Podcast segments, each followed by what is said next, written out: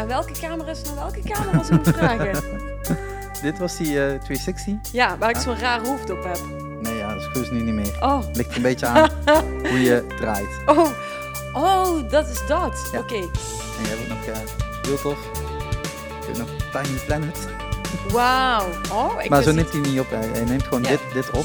En je kunt dan eh, in principe dit doen. Dus je hele woonkamer op. Oh, dus als ik nou de televisie aanzet, kunnen mensen ook nog gewoon televisie meekijken. Ja, dus als je even goede tijden opzet, dan kunnen mensen ondertussen dat kijken als ze zich een als beetje vervelen hier. Ja, Ja, ja. dan, eh, ja, leuk. Of- toch? Ja. Ja, dat dacht ik. Eh, ja, de rest van mijn huis is niet meer zo heel veel eh, interessant gezien de verhuizing. Dus ja. Nee, ja, dus ook voor mensen die dan nu denken, we kunnen even binnenkijken. Ja, En, eh, en, dan, en dan zien tot er wel wat kunnen we nog klauwen? Nou, niks. Eigenlijk meer. Ja, het huis is ook al verkocht, dus dat schiet ook al niet Ja. op. Nou, ja, dat, ja, Ja, ja, ja, staat ook nog- verkocht op moet- de... de- Ja, moet het, er moet formeel nog getekend worden, maar ja. ja, dan schieten ze maar op met tekenen. Kunnen ze dan een klein kind ook laten doen, toch? Tekenen? ook, ja, ook, Kleurplaat maken? ja. Ja. Over tekenen gesproken, daar liggen schilderspullen. Yo, Zijn we nou eigenlijk al online? Of, Ja, eh? we zijn al online. Kijk Hoi maar. Roel! Ja, ik weet alleen niet als... Ik hoor alleen nog steeds ergens... En kraak. Ja, echt iets wat heel vervelend is, maar ik weet niet Be- waar het vandaan komt. Kan ik dat niet zijn? Ja, het ligt eraan waar jouw... Mijn? Nee, ik hoor echt gewoon alsof er gewoon een telefoon... eh, Oh ja, zal ik hem anders eens even op Nee, nee, vluchtig- nee, nee. Laat, laat liggen. Want dan moet dan, dit, aan dit hoekje vraagt meer dan één telefoon daar. Dus zou ik nog zomaar die camera kunnen zijn, dat Oh. weet ik niet. Maar het zal, het zal Ja, ik komen. hoor dus nu niet wat jij eh, hoort, omdat ik geen dingen zie. Nee, jij wilde geen koptelefoon. Nee. Ja, Ja, ik niet. weet niet hoe storend het is, maar Nee, nee, het is nu, het is nu misschien weg. minder storend dan mijn verhalen zo meteen. Dus Dus eh, ja, nou, dit, is in ieder geval live. Eh de Shark Talk nummer 19, als ik het goed heb ingevuld. Ah, Net ja, geen 20 ja. voordat we het uh, toe Jammer, het Ja. rond getal was mooi geweest. Ja, nou, het, is niet, het is niet anders. Maar ja, het is al de tweede keer dat jij in de podcast zit. Gewoon binnen Ja, 19 ja. keer. Ja. Maar Ja, ik had ook niet... Nee, maar de vorige keer, bij de vorige podcast, ik moet echt eerlijk zeggen, dat eh, ik wist dus niet precies... Oh, sorry, ik zat in de Nee, kabel. nee, nee. Ik wist niet precies wat, ehm, wat jij ging doen. En omdat ik zei voor de grap van, oh, dan breek ik wel in. Toen dat jij zei, oh, oké, kom maar even. Dus ik dacht, ik kom gewoon even langs. Ja, dat is, dat is maar gelukt. ik wist niet, toen dacht ik, achteraf dacht ik van, dat is eigenlijk super brutaal. Want ik zit gewoon in haar filmpje. Ja, Sorry Iris. Ja, Ja, het bij- was bij wel Iris mag- gezellig. ja, bij Iris mag dat. Ja, het was wel heel Ja. gezellig. Maar, dus ik had ook gezegd van, als je tijd hebt, kom je langs. Eh, kom je hier eh, binnen. eh, Ja. de, Je hebt wel de deur dichtgemaakt, dus dat is misschien niet op. Misschien moet je even de deur openzetten. Ja, nee, ze heeft een sleutel. Oh, Nee, sleutel. Nee, die heeft gisteren een show gespeeld in de, volgens mij in de In Effenaar. Effenaar, Dus, ja. eh, En met In Flames. Ja, Ja, super vet. Of ja, de, voor haar de- is dat super vet, ja. ik, ja, ik heb vroeger veel naar In Flames, maar ten tijde van Colony. Of ja, zo heet die CD. Maar daarna zijn ze een beetje een andere muzikale richting ingeslagen die ik minder eh, eh, vond. Maar eh, heb ik best wel veel geluisterd. Ja. Ja, ik weet niet of de show uitverkocht is geweest in de Effenaar. Weet ik ook niet. Het zag, het zag er Ja. druk uit. Maar ja, wel. 1300 man wat erin past of zoiets. 12 Ja. van 1300 man, dus dat... Leuk Ja. showtje om te spelen. Ja. Vroeger stonden ze gewoon in 013, denk ik. Eh, eh, volgens mij, deze week, was dat deze week, stond eh This Means War in eh 013, geloof ik. Ja, 013. Ja, Oké. ja. Ja, leuk, leuke zomer. ja Limburg doet het goed. Ja, dat is, ook heel, dat is alleen maar goed. Want, dat moet ik heel even pluggen. Dat moet gewoon even in het begin. Dan drink ik even cola. Henk over mid... schrijf- hoe zeg je dat? Jij kan, jij kan het uitspreken. Waar, wat, Onderaan. waar moet ik lezen? Daar. Met, met Nina op de sofa. Ja, dat. Ja, dat kan. Ja, want ja, ik ben een blijf eh, therapeut. Dus eh, je kan ook gaan liggen. Oh ja. En dan, eh, dan, Oh, dan- daarom heb ik dat schilderwerk daar ook neergelegd. Dan maken we er shit. even een, een sessietje van. Oké, Maar dan vraag ik wel geld. oké. Nou ja. Nee, dus. Patreons. mshark. Patreons.com slash mshark. Nou, als Patreons gewoon betalen, dan kan ik niet meer betalen voor die sessie. En dan eh maak gewoon nog een keer een filmpje. Patreon.com slash. Maar nee, wat ik wilde even gaan pluggen. eh, wel even in het begin van de podcast. Want dat, heb je misschien ook wel voorbij zien komen. Ehm Shark Talk is één onderdeel. Live in Limburg is een tweede onderdeel. Maar er komt nu nog een derde onderdeel binnen dit, eh, dit totaalconcept. Op 11 september gaan we namelijk een live sessie doen met George Dillon uit Brugge, als ik het goed zeg. In Geleen. In Geleen, ja. Ja, want daar, zou wereldstad. daar zouden we eigenlijk deze podcast gaan opne- opnemen. Ja, ik ben een echte. Ja, Eh, in de reunie. Eh, vanaf eh 8 uur is er eh, gratis inkom voor een showcase van, eh, van deze jonge sing- eh, singer-songwriter. En dan wordt de eerste Shark Session live. Waar we smiddags met hem eh, twee nummers gaan opnemen. Daarna een podcast. Dus die kun je weer terug horen. Ik ben nog aan het denken of het onder deze feed gaat zitten of onder de Live in Limburg feed. Ehm, dus dat is nog heel even, even afwachten. Maar s'avonds kun je wel gewoon al bij die show zijn. En het is gewoon, je kunt gewoon binnenkomen lopen. Het kost helemaal niks. Mij steunen in dit hele project mag natuurlijk wel. Dat kan gewoon via patreon.com slash mcshark. Of eh, dan gaan we wel met een hoed rond. Dat kan ook. Dan kun je gewoon voor eenmalig eh, even een beetje geld doneren.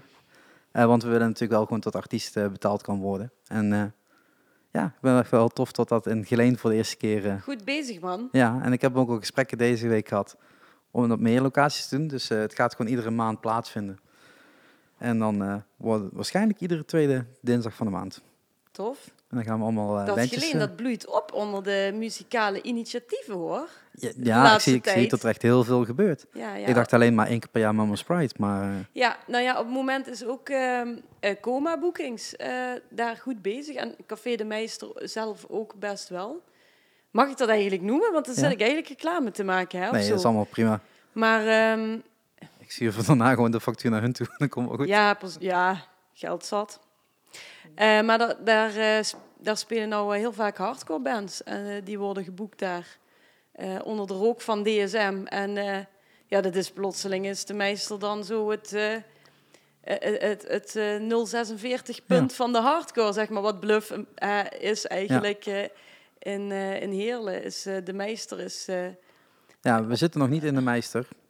Hint, hint, tip, tip. nou, Eh.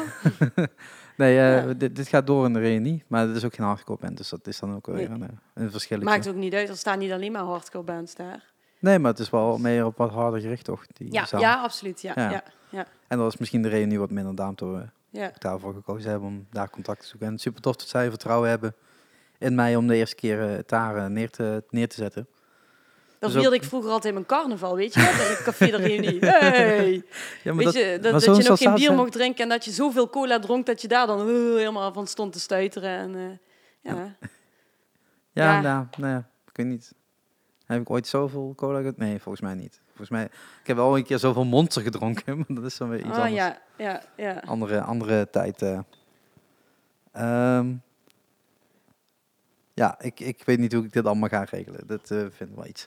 Wat, eh, wat, wat zijn er voor groene dingetjes die daar Ja, allemaal iedereen staan? die mee aan het kijken is. Oh, wat wordt, is, zijn er al vragen? Dan kan ik ook iets... Nee, dus als er vragen zijn aan mij of aan Nina, Oké. denk eerder aan Nina, want ik lul toch al sowieso veel. Oh, help, gaat het deze kant op? Ja, dat Sorry. ging waarschijnlijk over het feit dat we een sessie gingen houden dan. Oh, ja, sessie. ja, ja, ja. Ja, die kan- nee, kan ook Henk, op. niet bang zijn. Ik laat dat, eh, ik laat dat even bij eh, mijn baan. Dat doe ik nu niet vandaag. Eh, voor degenen die kijken, die live meekijken, eh, reageer even in de comments eh, als het geluid goed is. Want vorige keer ging dat finaal mis. Ja. Ik weet niet waarom en hoe en wat. terwijl ik gewoon precies dezelfde setup nu weer heb aangesloten. Dus als het echt mis is, laat het even weten. Ja, ik vind we- wel dat je de gaten in mijn spijkerbroek erg goed ziet. Want ja maar je moet, je moet dus weten hoe dat eruit ziet op eh 360. ja, nou, ik zei dus vanochtend tegen mijn vriendin van ik heb zin om iets netjes aan te trekken. Dat is bij mij Eh, Daarom heb ik het gedaan. Maar balans. toen, eh, want ik wilde eigenlijk mijn nette broek. En toen zei ze, ja nee, dat is, eh, dat vindt ze dat niet erg netjes. En toen ik zo, ja oké, nou dan eh, kan ik misschien eh, ja, dan toch die jeans met gaten aandoen. Want die zit ook gewoon lekker. Ehm, maar ik zie nu dat, dat, dat je dat dus echt heel goed... Ja. Een beetje, nou ja. ja, maar die valt wel mee, toch? Ja, mee. daarom ga ik nou ook zo zitten. Dan zie je het niet zo goed. Zie, je ziet alleen mijn nette blouse. Ja, een hele net nette blouse. Ja. En zo zijn we al twaalf minuten verder. En, eh, Ja, ja, ik weet niet wat voor introductie je wilt Ja, doen. dit- nou, nee, Weten dit- mensen eigenlijk wie ik ben? Nee. nee, nee. dus- Niemand is ook verder helemaal niet interessant. ja, Henk weet dat. En, eh, Ja, en eh, mensen... Roel, die nog steeds niet aan het kijken is, die weet dat ook. Echt? Ja, schandalig. Shame Roel, on echt. you. Ja, echt waar. Ehm, maar nee, ik denk wel dat het goed is om een introductie te doen. Ik heb mijn introductie even gedaan over het, het, het pluggen gedeelte over, over de show. Dus zet je op aanwezig. En dan gaan we gewoon nu ja, jouw introductie doen dan. Ja, nou gooi ik mijn eigen ruiten in. Ik zou niet weten wat... Ja, Ik ben geen, eh, ik ben geen, eh, ik ben geen Iris Goesens. Ik sta niet op eh, Wakken Open Air. ik ga nu even helemaal uitleggen waarom je niet naar mij moet kijken. Maar, oh, alle mensen haken af, nee. nou, ik- wa- waarom wou jij eigenlijk een podcast doen?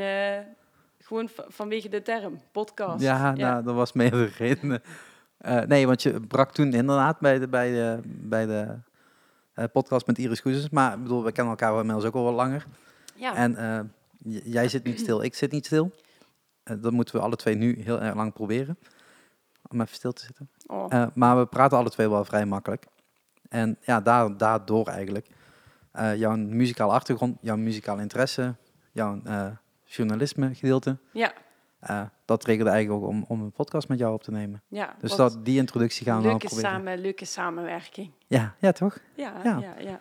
Want eh, als ik jou moet introduceren, dan is het ook gewoon die duizendpoot. Die ik ken. Eh, ja, nou ja, de laatste tijd probeer ik dat wel wat te minderen. En ik heb ook even een periode ge- gehad waarin ik,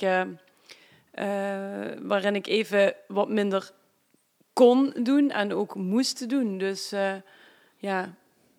Maar het is inderdaad zo dat ik, ik vind gewoon heel veel eh, leuk en interessant. Dus dan, eh, dan krijg je dat al snel, dat je veel verschillende dingen doet.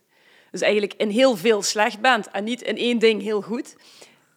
Of gewoon in een heleboel dingen een beetje goed. Maar, heel veel maar dingen, heel veel goed. Ja. ja. heel- heel veel dingen eh, iets doen. Ja, Maar dat maakt het leven ook wel weer interessant. Het. Het leven, algemeen. Eh, dat, ja, dat maakt het leven wel interessant, maar ook soms eh, te druk. Ja. Dus, ehm, Dat is ook een van de punten die we daar nog wel gaan aan, eh, oké. aantippen, Ja. toch? Ik bedoel, jij Ja. zei van ik wil daar openhartig over spreken, dus dan gaan we dat ook Ja. doen.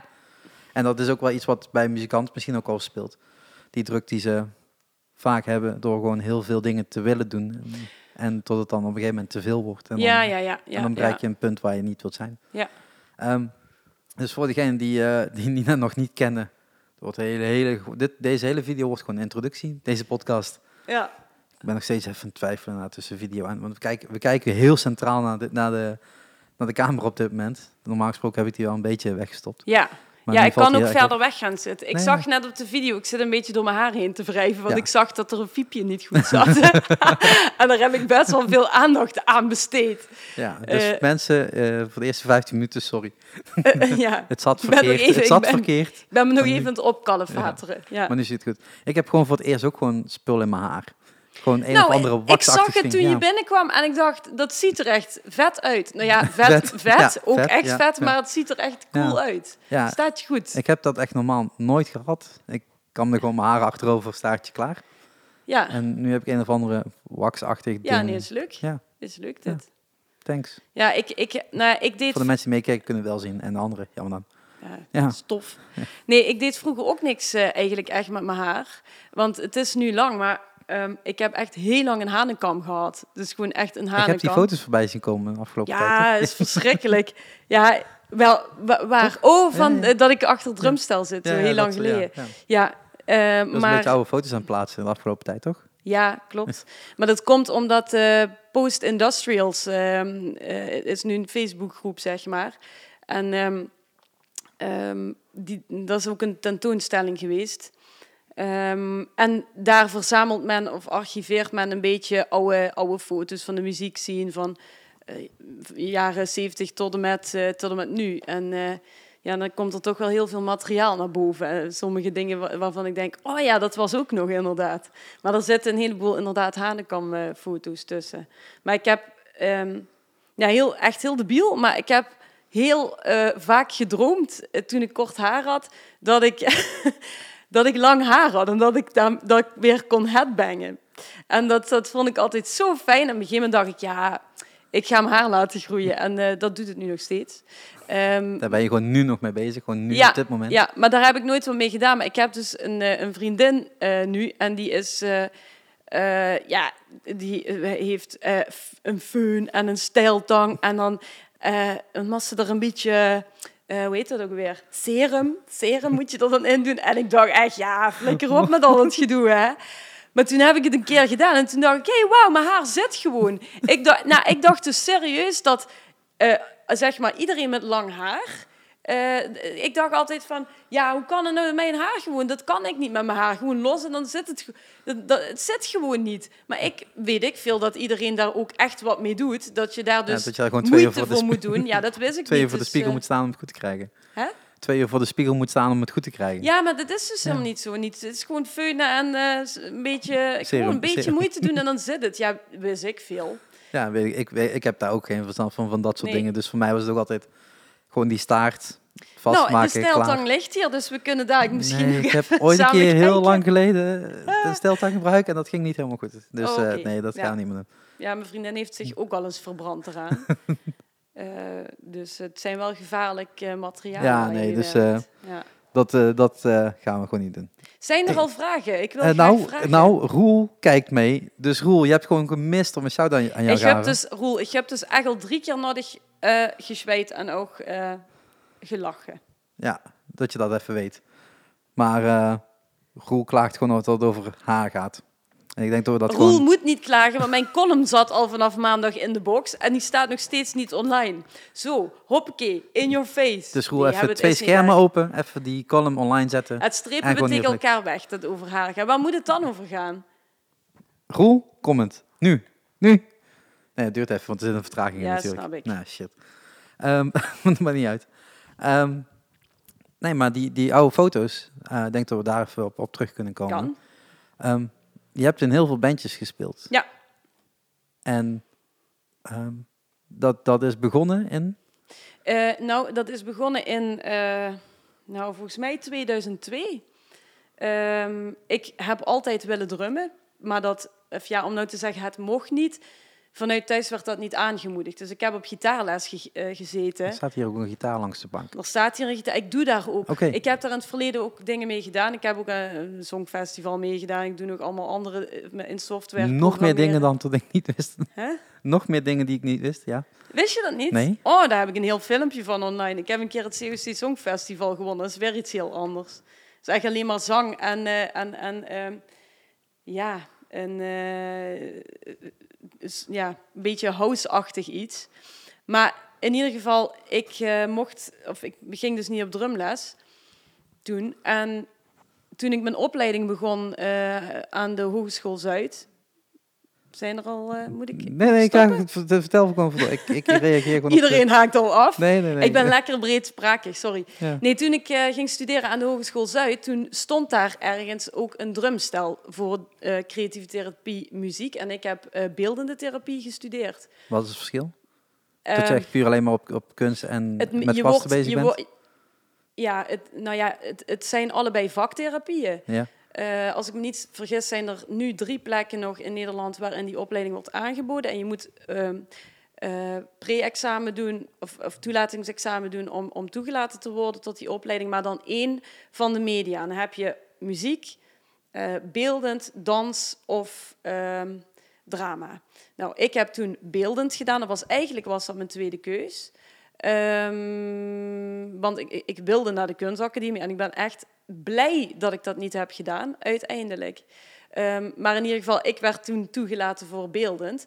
Maar eh, er stonden in, in lokalen stonden wel muziekinstrumenten. En op de een of andere manier, ik weet niet meer hoe, hoe ik daarbij kwam of zo. Ik heb ook wel op, op potten en pannen van alles gedaan vroeger. En, eh, maar er stond een drumstel en toen ben ik, eh, toen ben ik daar gewoon een keer volgens mij gaan, eh, gaan zitten drummen.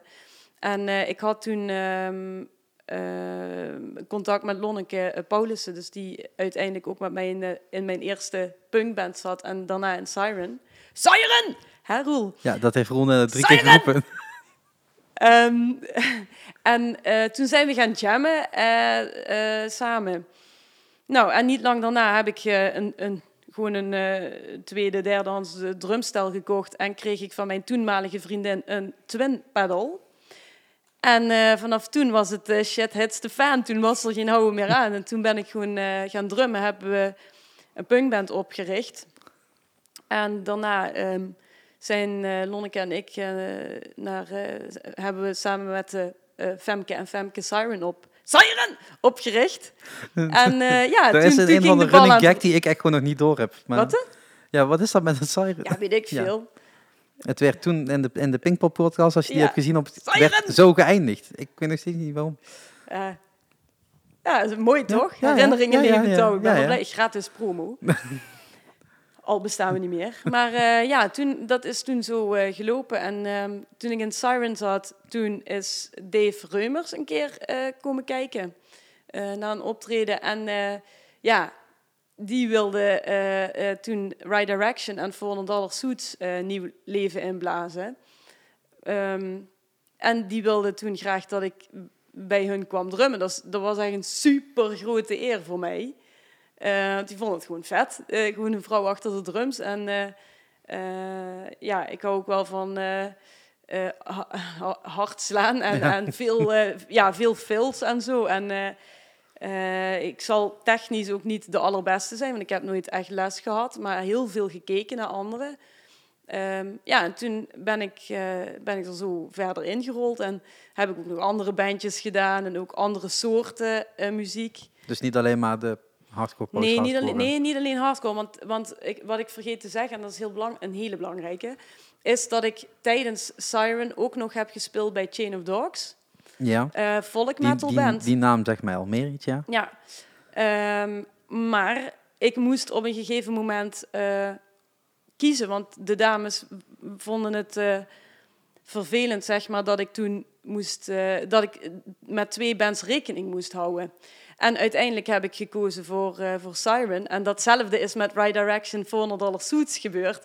Ja, achteraf denk ik, ik vond het hartstikke leuk met Siren. Maar eigenlijk is dat idioot geweest dat ik toen eh, wat meer daarbij ben gebleven. Omdat het, het werd heel moeilijk om bij beide te doen, eh, te, drummen. Al, al hebben we een tour gedaan samen met Right Direction en 400 Dollar Suits. Maar dat, ja, ik, dat werd niet echt eh, heel enthousiast eh, opgevangen, zeg maar, eh, dat ik in nog een band speelde. Want ja, dat, dat zet je eigen, de, ja, die andere band, Sirens, Ja. dat als obstakel een beetje in de weg.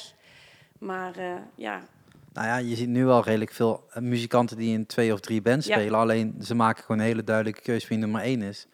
En dus inderdaad ook afhaken op het moment dat er een tour gepland wordt. Ja, nou ja, ik, uiteindelijk ehm, is dus ook Sander van Balen gaan, gaan spelen bij, ehm eh, bij Right Direction en 400 Dollar Suits. Ehm, en dat, ik bedoel, is ook prima, want dat is gewoon een pionier en die komt ook eh, uit die tijd en zo.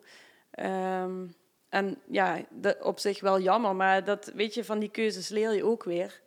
En het mooie is dat eh, volgend jaar maart ehm, ehm, One Night Stand. Dus dat is eigenlijk ja, nog een ander project van eh, onder andere Dave Reumers.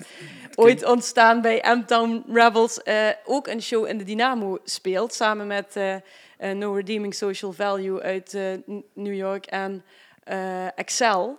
Ja, en daar mag ik dan wel drummen. bij, dus ben ik, Ja. hebben ze me toch weer gevraagd bij One Night Stand. Ik vind dat echt super vet. Daar ben ik echt heel blij mee. Dat ik dat En, dan, en de tickets zijn nu te koop? Ja, die zijn Ja. te koop. Er, zijn er, er waren een tijd geleden... Oh, daar gaat een kaarsje uit. een eh, tijd geleden waren er al 150 verkocht. Terwijl, ja, het duurt nog een jaar. Het is wel de dag na eh, Among the Angels Fest. Hier in de muziekgieterij. Echt een aanrader. Maar ja, ook al uitverkocht. Eh, en het is de afterparty. Dus er zullen een heleboel mensen vrij brak zijn. Een afterparty van Maastricht in de Dynamo. Eindhoven. Ja, ja. Hoe? Hoe? Ja, hoe? Waar- Ja. Waarom is het niet gewoon in, in Maastricht dan? weet ik niet. Moet je aan Dave Reumers vragen. Dave, waarom? Waarom? Reageer even in de comments. Dynamo is altijd vet. Het is gewoon leuk daar ook om te spelen. Jezus, echt Roel, die grappen van jou. Sorry. Wat zegt hij? Of is het niet eh, is X-rated? Tenzij het maar één keer doet, dan is het een one-night stand. Ja, daar heeft hij, wel, ja, heeft hij wel een punt. Maar we hebben het alle, allemaal al, eh, al vaker eh, gespeeld in One Night Stand. Dus Ja. eh Ja, echt. Roel, top. Comment. Ja, touché. ja. Ja. Hey Rico. Maar ik heb inderdaad, ja, ik heb wel heel veel bands gespeeld. En, en ja, ik, ehm, ik probeer graag wat dat betreft wel graag nieuwe dingen uit. En, en ik, ik kan dan ook wel heel enthousiast worden van, ehm, van iets. Maar het moet wel ehm, mijn, mijn eh, aandacht blijven, blijven houden, zeg maar. En dat, dat is niet altijd, zeg maar. Dus dat... eh, Ehm, Maar ik heb jou nooit op tour of dergelijke gezien. nee, maar dat is ook, Zijn maar dat is ook echt shows. al... Nee, dat is echt al eh, nu tien jaar geleden. Meer dan tien jaar Ja, geleden. Dus ja, dat is het. Kijk, ik, wat dat betreft, ehm, omdat ik ook heel veel andere eh, ja, interesses nog heb, op een- gegeven moment ben ik ook ehm, me meer in mijn, eh, ja, in mijn vaste baan gaan verdiepen en, en bijscholing en zo. En heb ik eh, het muzikale aspect even op een wat lager pitje gelaten. Ehm, en ik heb nog theater gemaakt. Ik heb mijn eigen solo-programma gemaakt, wat ik een, een aantal keren heb gespeeld. En ook ja, bijvoorbeeld in Theater Carousel en ook in Pitbull, maar ook eh, een aantal dingetjes gedaan eh, in eh, Rotterdam en Amsterdam. Nadat ik het COC Songfestival had gewonnen met mijn liedje op, of ja, op, op keyboard. Dat was eigenlijk voorgeprogrammeerd, was het hoor. Maar het, was, eh, Bij was een lu- songfestivals mag niks, eh, niks live zijn, hè? alles is ingespeeld. Ja, nou ja, ja het, het- de zang was wel live, maar het was gewoon, weet je, het was eigenlijk voor de grap. Maar het liep erop uit dat ik toen won. En dat was in de Schouwburg in, in, Schouwburg in Delft. Dus ik had het verder ook niet verwacht wat voor een lading daar aan zat of zo. Maar dat bleek dus een heel evenement te zijn. Ik had me dat helemaal niet... eh, Je dacht gewoon, ik ga gewoon gezellig meedoen. En, eh, ja, en toen ben ik uiteindelijk, want toen ben ik nog eh, bij Margreet Dolman, Paul Ja. Hane is dat, ben ik nog in de uitzending geweest. En daar heb ik toen, ja, die heeft me toen geïnterviewd. volgens mij heb ik het een keer gezien. Ja, en, en ja, toen ging het balletje ineens aan het rollen. En toen, ehm, ja, toen ben ik een aantal keren daar geweest, een aantal keren daar. En toen werd gevraagd, ja, doe je ook iets van spoken word of zo? Spoken word. Eh, en toen, ja, dan heb ik, heb ik dat gedaan. Dus ik heb een heleboel, heleboel uitstapjes gemaakt. Eh, maar eigenlijk altijd eh, met een combinatie muziek en drama met een verhaallijn erin. Maar dat zijn allemaal dan losse dingen uiteindelijk Ja. geworden. Hoe, En, hoe bedoel je losse dingen? nou ja, alles heeft wel een bepaalde structuur er natuurlijk in. of een rode draad erin. Maar meer, het zijn allemaal kortstondige projecten die een tijdje lopen of een iets langere Ja. tijd, maar niet. eh, Je bent niet bij één band blijven hangen. Ja, wel. Bij Welke? Chain of Dogs. Ja. Ja, maar dan, hoe, hoe lang is dat dan geweest? Eh, we hebben, ik heb samen met eh, Olaf nu nog het enige resterende originele bandlid met mij. We hebben het nu wel op een lager pitje Ja. gezet, maar we hebben die band in 2005 opgericht. Het is nu bestaan nog. 2018. Eh, en die band die heeft eh, ook op Metal Days gestaan.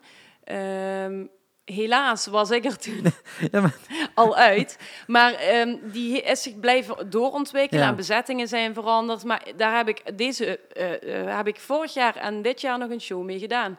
En dit jaar staat er opnieuw nog een show op. Alleen niet meer met die intensiteit als dat het was. Nee. Omdat ik dat op dit moment gewoon niet... ehm, eh, qua agenda en ook qua draagvlak krijg ik dat niet Ja. geregeld. Dus, eh, maar dat is, dat is eigenlijk de enige band waar ik altijd bij eh, ben blijven thuiskomen, zeg maar.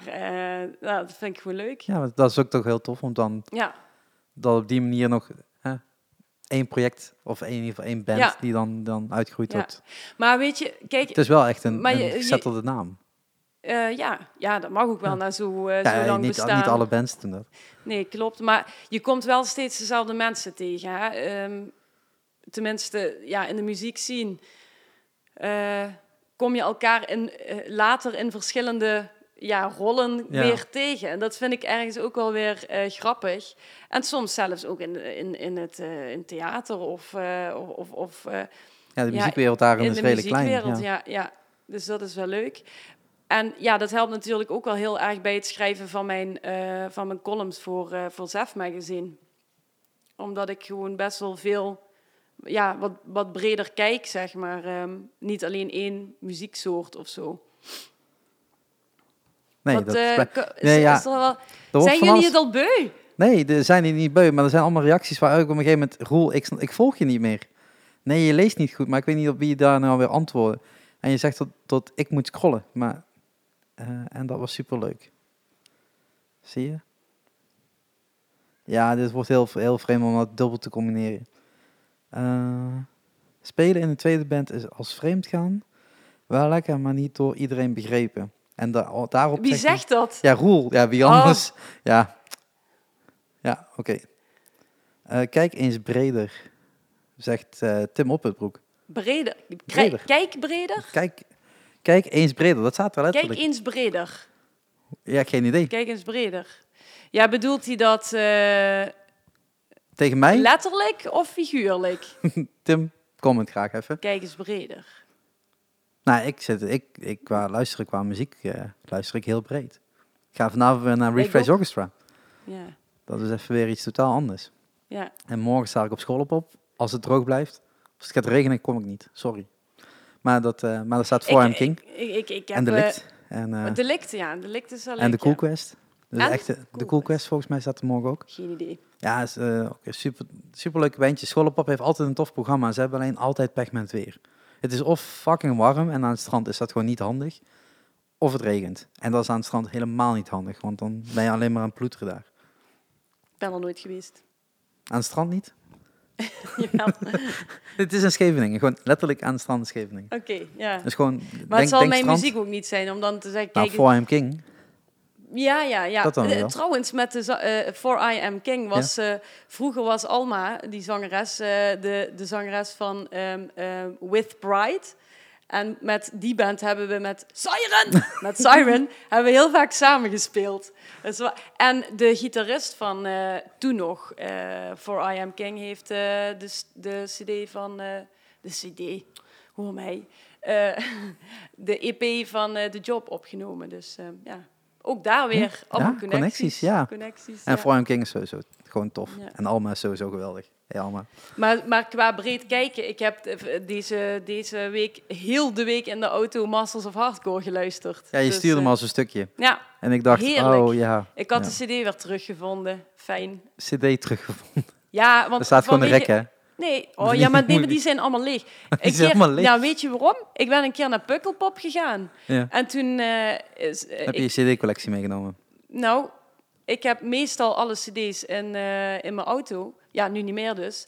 Eh, en toen hebben ze mijn auto opengebroken en hebben ze Ah, gewoon de idee. cd's, de cd's uit de hoesjes gehaald. En toen had ik alleen nog maar de hoesjes, dus voor de vorm heb ik ze daar staan. Maar ik heb ook nog een zak, eh, eh, in mijn, wel een zak in mijn auto staan met, eh, met de cd's. Met de cd'tjes en alleen. gelukkig eh, heb ik die van Masters of Hardcore wel nog. Oké, Dus- oké. Ja, daar, dat maar kreeg ik zegt, opeens zegt Tim nou nog wat over wat, wat Ja, Tim zegt- te zeggen? Tim zegt net, eh, je zegt net, ik, eh, ik kijk breder. Dat wilde ik wel eens zien. Dat is. Top voor een podcast trouwens, want iedereen die luistert heeft geen idee wat er nu gebeurd is. Eh, maar dan kun je de video kijken, het staat gewoon op Ik vind YouTube. het trouwens wel een eer dat Tim kijkt. Ja, ja maar het is Dankjewel. altijd, altijd een eer als Tim, Tim erbij is. Het was ook super tof om die po- Pinkpop pod- podcast op te nemen met hem. Ik, mijn haar zit nou weer raar. Ik zie het gewoon. Nu Moet zie je even mijn haar. Nou, nou zit het helemaal niet meer goed. Maar nou. ik, wou, ik wou nou nog wat zeggen, maar ik weet niet wat. Want jij vindt hardcore toch ook eh, wel... eh, Ik heb daar eh, met heel veel plezier... eh, want ben je ook wel eens naar parties Nee. geweest? nee, ik was te jong daarvoor. Ja, maar nu toch niet meer? Nee, nu niet meer. Ga je nou niet steeds- Ja, wanneer, wanneer moet ik daarheen gaan dan? En wat moet ik daar dan doen? hakken? Nee. Rondjes lopen? Nee, nee, rondjes lopen misschien wel, maar, eh, maar hakken sowieso niet. Dat gaat sowieso niet gebeuren. Ehm, eh, ik vind, ja, nee, maar dat heeft algemeen wel met de muziekindustrie te maken. Een redelijk witte aangelegenheid. Ehm, nee, ja, ik dat wil, klopt. Nee, Ja. ja, hardcore is het ook sowieso. Mm, Ja, weet je uit nee, het is, wel. het is wel steeds meer ook internationaal. Ja. En vooral Italianen komen heel veel Ja, op eh, zijn, die zijn ook heel vaak blank. Maar oké, zijn iets getint. Maar ja, dat is vanwege de zon. Ja, nee, dat, dat snap ik. Ja, Nee, maar veel maar dat is donkere mensen... metal ook. Ja, Heel ja vaak, het is, ik. Ja. ik kijk vaker om me heen. Behalve black metal. Ho. Oh, voordat Roel die gaat maken, die is al gemaakt. ja, Yes. even Het inkoppen. scheelt weer één, één comment van Roel. Eh, leuk dat je trouwens comment, Roel. Ehm, nee, maar dat is, ik, ik weet niet, ik voel, zou me daar echt niet thuis voelen. Nee? Nee. Oh. Nee, ik zou er wel gewoon een keer heen willen, maar ik heb dat ook altijd op Sensation gezegd en dat is gewoon mislukt. Eh, want dat is toch ook een, een, een prijsdrempel. Voor de fun, om gewoon eens even te gaan kijken en dan 90 euro betalen. Is dat een beetje zonde, bij zo'n Ja. Sensation dan.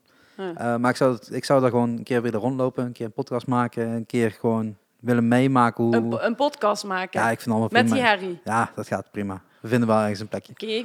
Eh, nee, maar meer dan het... Zullen we samen een keer gewoon naar Thunderdome gaan Ja, dan? ik, ik vind het prima, gaan we gewoon doen. Moet je alleen even regelen dat, dat die shit allemaal mee mag. Ja. Eh, maar ja. daar heb jij vast wel de connecties voor. Eh, dat eh, ik in die wereld denk ik niet. Ja.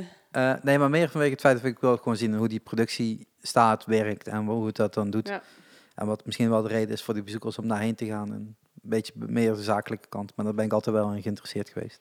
wat de reden is voor bezoekers om daarheen te gaan. Ja, want het is een, een, een gewoon concert. Hè? Daar ga je om acht uur heen en om elf uur sta je buiten. Ja, Eh, dat soort feestjes die beginnen om 11 uur, Ja. maar die stoppen ook pas weer om 11 uur de volgende ochtend. ja half negen. Ja. ja. dat bedoel ik. Ja, Dus- ik moet ook wel zeggen, het is ook ik vind het ook best wel heftig, zeg maar. Als je Ja, het is echt, heel lang. Ja, als je echt tot, tot ochtends vroeg eh, blijft, en dat heb ik een paar keer gedaan, dan... eh, ja, op een gegeven moment, althans ik ben op een gegeven moment het geluid ook gewoon beu. Ik kan dat heel lang dragen, maar op een gegeven moment is het, als je naar buiten loopt, dat heb ik tot nu toe elke keer gehad, dat je dan de rest van de dag nog eh, denkt hardcore muziek te horen in echt de stomste dingen. Auto's die langsrijden of gewoon eh, mensen die praten. Je hoort overal hardcore in. Dat is echt alsof je aan het hallucineren bent. En dan, heb je, dan hoef je geen drugs te gebruiken nog. Nee, maar je hebt, Maar dat je, hebt het je zo lang ondergedompeld dat op een gegeven moment gewoon je brein denkt van oké, Ja, dit is nog steeds diezelfde omstandigheid. ja. Terwijl Ja, jij er al uitgelopen bent. Nou, maar, maar, ik dat is vind het het echt wel vet, eh, vette feesten. Ja, maar ik kan me het ook wel voorstellen. Maar als ik dan die verhalen hoor, en dan gaat het meer over, over de festivalverhalen, tot er in die, die vliegtuighanga's, net over de grens is dat denk ik eh, destijds in Wees of zo, ik weet niet waar die feesten werden gehouden. Ja, dat, dat waren gewoon 24 uur parties. En dan denk ik van ja, hoe, hoe is dat ook voor een DJ? Want waar wil je dan op die dag staan? Wil je dan om zes uur 's middag staan, terwijl de meeste mensen dan al tien uur bezig zijn misschien? Of wil je juist om vier uur 's nachts staan, omdat dan de mensen Maar de, die Oh. leven sowieso een heel ander ritme. hè? ja, maar ik vind het heel erg interessant om dat gewoon eens een keer ook op zo'n festival misschien wel te ontdekken. Ja, Hoe dat, en dat is wat ik zeg, dat is meer de achterkant en niet de voorkant van het festival. ja. Eh, want zo'n, eh Never, wat was het? Eh, Ne- ik wil Neverland zeggen, maar wat nu in, Tomorrowland. nee, Tomorrowland is België. Nee, die wordt nu in, in Landgraaf vastgehouden. Op Eh, dat, is, Pinkpop. dat is volgens mij Neverland. Ja, toch? Ja, ik zou echt gewoon heel graag een keer met hun spreken. is Gewoon, hoe, hoe werkt dat? Hoe kom je met... Kijk, dat concept bedenken is dat probleem niet, lijkt me. Want je denkt gewoon, ik wil een heel mooi fest, dance festival neerzetten. Eh, maar hoe ga je dan mee aan de slag? Want je moet daar wel wat geld in investeren om het eruit te kunnen halen. Die, eh, die investeringen van festivalterrein zijn een stuk Ja. lager. Ja. En ook zo'n Tomorrowland is natuurlijk gewoon gegroeid vanuit IDT destijds met een, gewoon een kleinere opbouw, maar wel met de intentie om groter te worden. ja, die, maar dat is ook Ja. echt een jaar van tevoren echt vet uitverkocht. Ja, dat begreep moet ook, anders gaat het niet. Ja. Maar als je dan van die DJ's hebt die zeggen gewoon, ik, wil, ik kost een miljoen en ik wil nog een deel van je Ja. drankomzet hebben, Ja. hoe de fuck ga je dat rendabel maken? Dus maar ik denk wel dat het twee verschillende dingen zijn. Want, want bijvoorbeeld Masters of Hardcore eh, zijn toch wel andere, andere DJ's dan ja. dat er op Tomorrowland staan. En bij Masters is, zijn het ook vaak dezelfde. Ja. Eh, dus dat... eh, Ja, ik, was, ik ben nog steeds aan dat boek bezig van IDT en daar wordt nog inderdaad ook wel een deel, eh, deel in Ja. uitgelegd. Over naar het feit dat ze op een gegeven moment terug hebben gegrepen naar de oude DJ's en Ja. die door zij gewoon nu nog steeds doorstaan. Maar ja, hoe, komt het, hoe komen daar nieuwe mensen bij en hoe nou werkt ja, dat dan? daar komen al nieuwe mensen bij. Even, even, ook eveneens vanuit Limburg. Hè. Hebben, er zijn een aantal Limburgse hardstyle en, en ook eh, hardcore DJ's die nu eh, echt hard gaan. eh, en contract hebben getekend bij Masters. Tim, Tim vraagt, en dat vind ik wel een goeie, wat trek je aan in de, in de hardcore als in house? Ja, en, dat, en- ja, dat hij is zegt een... van, ik snap het zelf niet, want Nee. het is gewoon één dreun, zeg maar. Nee, ja, ik denk... ja, is dat uit te leggen? Ja, iedere keer naar klassieke muziek mij luisteren heeft, mij heeft die muziek altijd al wel aangetrokken. Eh, alleen de agressiviteit in de, in de jaren negentig ervan... eh, die vond ik niet zo, eh, niet zo prettig en de hype eromheen. Maar als je wat dieper kijkt, dan, dan zijn er ook wat andere lagen in te herkennen. En ehm, ja, als je, als je zo'n zaal binnenloopt, de eerste keer dat ik dat had, nou, dat was echt, je wordt gewoon overrompeld. Het is gewoon, je kunt niet meer dat, ik denk dat het dat is. Je, kunt, je, je vergeet de rest en er is alleen nog maar eh, dat geluid, het licht, eh, de, eh, de, de sequencer. En je- beleeft die muziek gewoon helemaal in je lichaam, omdat je de, omdat je de trillingen gewoon ook... En, en ga je dan ook voor een bepaalde DJ? Nee, nee, nee. Of is, Al het, zijn er wel... of al- is het voor een genre dan? ehm, Want er zijn wel meer zalen vaak. ja, er zijn wel meer... Ik, ik hou niet zo van terror. Ehm, Dus dat hele rustig is dat. Ja, of speedcore vind ik ook niet. Frenchcore vind ik wel, eh, wel op zich wel oké. Maar eh, eh, weet je, ik vind veel rockers en muziekkenners, tussen haakjes, hebben nogal wat vooroordelen vaak over dit soort muziek. Omdat men ervan uitgaat dat alles vanuit een, een USB-stickje gaat. Ja, sommige DJ's doen dat, maar dat zijn met name een, hoe heet die, die Franse knakker. Ja, show-elementen. Hoe, hoe heet die nou? Ja, ik ga niet naar Ja, die hele naam bekende. denken. Oké. Ja. Maar ehm, eh, de- in de hardcore zijn er eh, best eh, een aantal DJ's aan te wijzen die ook live eh, spelen en eh, alles live op dat moment opbouwen eh, met, hun, ehm, met hun apparatuur en met toetsen ook. Ehm, en het, het blijft componeren. De- dus hoe je het ook bekijkt, je zal toch die muziek moeten maken. En inderdaad, er, eh, er zijn veel DJ's die ehm, samples gebruiken, hè, vanuit bijvoorbeeld de metal of vanuit wat dan ook. Maar er zijn ook nog steeds heel veel DJ's die zelf de lijnen bedenken, die zelf de melodieën bedenken. En het, het blijft componeren. En er zijn heel veel rockers die zeggen, ja, dat is geen muziek maken. Jawel, dat is wel muziek maken. Het aanslaan van een snaar is ongeveer hetzelfde als het aanslaan van een toets. Je moet ook kijken wat er past qua toon, welke frequentie er zijn. Eh, ik programmeer zelf in software. Nou, je, dat echt kost veel moeite hoor. Die computer Nou, doet maar echt niet alles Maar het voor is je. natuurlijk tot, tot bij die grote shows. ehm, ze zo afhankelijk op een gegeven moment werden van de show-elementen. Tot eh, het vuurwerk moest op een bepaalde tijdcode gaan en dergelijke. Tot op een gegeven moment werd gezegd: we gaan alles van tevoren al, al hè, eh, in elkaar mixen. Ja, dan hoeft ja, ons steeds een stuk meer aan te doen, Ja. maar daardoor weet de audiotechnieker, de, de, de, de dansers en de, eh, de lichtshow precies wat ze op dat moment moeten doen. Ja. Alleen tegenwoordig is het zo dat het gewoon ingebakken zit in de track, waardoor de DJ weer beslist wanneer er iets gebeurt. Dus je zet in de track zet je gewoon een, een soort ID3-tag, waarin gewoon zegt van oké, als ik nu... Gewoon, een- gewoon ik een, heb een, geen een, idee waar je het over hebt. eh, jij, gewoon- weet er gewoon jij weet er duidelijk meer van dan nee, maar ik. gewoon, gewoon eh, data. Je zet gewoon in je track zeg je data en op seconde zoveel moet er dit en dit gebeuren achter mij op het grote ledscherm. Ja, ja. Seconde zo en zoveel Ja, moet vuurwerk Maar dat is met. Iron Maiden ook, hè? Ja, ja. Die doen dat net zo. Dus, eh, of Ghost. Ja. Dus het is gewoon, weet je, het is nog een beetje oude zeikerij. Van, niet, ik zeg niet dat Tim dat doet hoor, omdat hij het vroeg. Maar ja, ik, kan me heel goed voorstellen dat mensen denken van ja, wa- wat, wat vind je daar nou leuk aan? Ik denk echt dat dit te maken heeft met... Ah, we hebben een antwoord. Het is David Guetta. Ja, bedoel Ja, ik. wel verkeerd geschreven, Roy, maar thanks. Ja, ja, ja, klopt. of zoiets. Ja, nee, dat, dat klopt. Maar ik denk ook, muzie- eh, de, de muziek die jij leuk vindt, die jou aantrekt, heeft te maken met de werking van je brein. En dat is niet voor iedereen hetzelfde. Dus eh, dat maakt ook dat een, een heel aantal mensen hardcore helemaal niet kunnen verdragen en een hele hoop andere mensen wel. Tim, Tim zegt daarop, ehm, alles is muziek, muziek is geluid ordenen. Ja, Dus nou, in principe, ja, dat is, dat, nou, dat is het ook precies. Ja, dat is Eh, zo. En Roy zegt net, eh, Gojira gebruikt ook live veel getimede vuurwerk. Ja. Middelen tijdens de show, ja. En dat is niet erg, denk ik, hè, want... eh, En SVP wel goed citeren. Ja, ik probeer het, Tim, maar het is gewoon niet mijn sterkste punt. David Guetta. Vol- volgens mij is het eh, David nee, nee, Guetta. re- ik heb gewoon ergens een, zin verkeerd van hem geciteerd. Oh, Oké. Eh, ja, ja, Roy. Maar Ja, de, top. ja, kijk, het, de totaalbeleving is in principe ook... Dat wordt nu ook steeds belangrijker. En ja, ergens vraag ik me af wat daar dan mis mee is.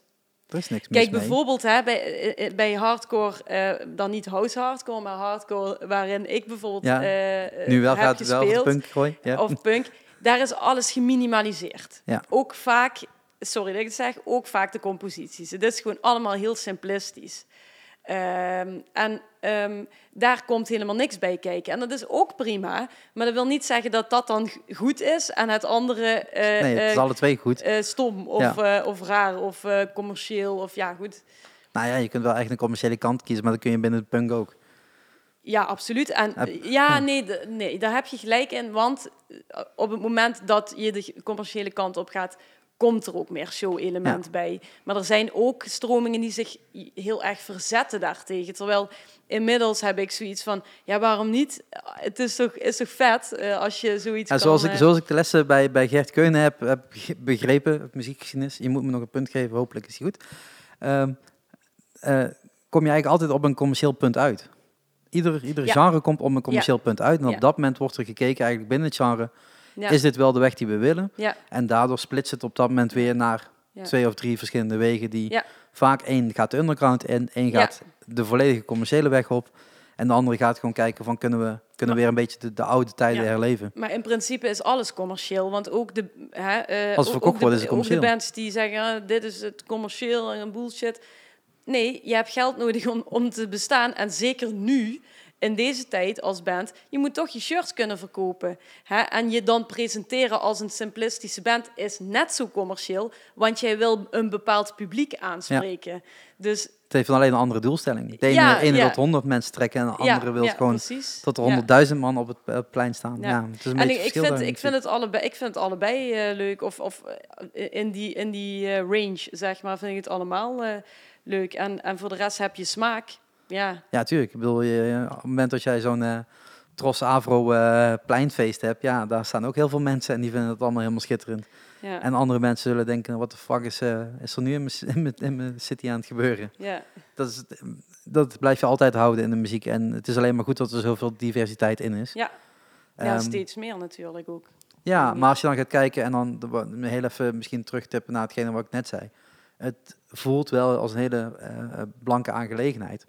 Want als ik dan bij een hip-hop concert sta. Thunderdome. Nou, nee, niet alleen Thunderdome. Maar als ik naar de hip-hop ga, is het ook gewoon grotendeels blank tegenwoordig. En dan denk ik, Oh, ja, ja, serieus? en dan denk ik ook, ja, maar dan krijg je het feit Oh. dat het gewoon het commerciële vlak is. Nog steeds is het grootste gedeelte, meerderheid in Nederland, is blank. Dus Maar als heeft je dat, dan, heeft dat niet ook te maken met of je in Limburg naar zo'n concert gaat of, Of in. Rotterdam? Want Tuurlijk. daar, ik, ik vind dat daar echt veel verschil tussen er, zit, er zit een heel groot verschil in. Maar dan zou ik ook nog steeds denken van in Limburg hebben we ook heel veel culturen. En die zie ik bij heel weinig concerten maar staan. Terwijl Ja. er toch wel een hele diversiteit aan concerten aangeboden wordt in Limburg. Ja, En dat, dat mis ik dan af en toe nog wel. En dan denk ik van ja, het is prima tot er voor de zoveelste keer een eh rockabilly sound uit Amerika wordt, eh, wordt binnengehaald. Maar misschien is er ook Nou, nog wel iets anders te, nou, te ik bedenken. vind, ik, maar goed, ja, ik ben er niet super in thuis, omdat het echt mijn genre niet is. Maar ik zie wel vaker eh, dingen voorbij komen waar, waar toch wel wat meer, eh, ja, gemêleerd, ja, een gemêleerd eh, gezelschap op, op afkomt.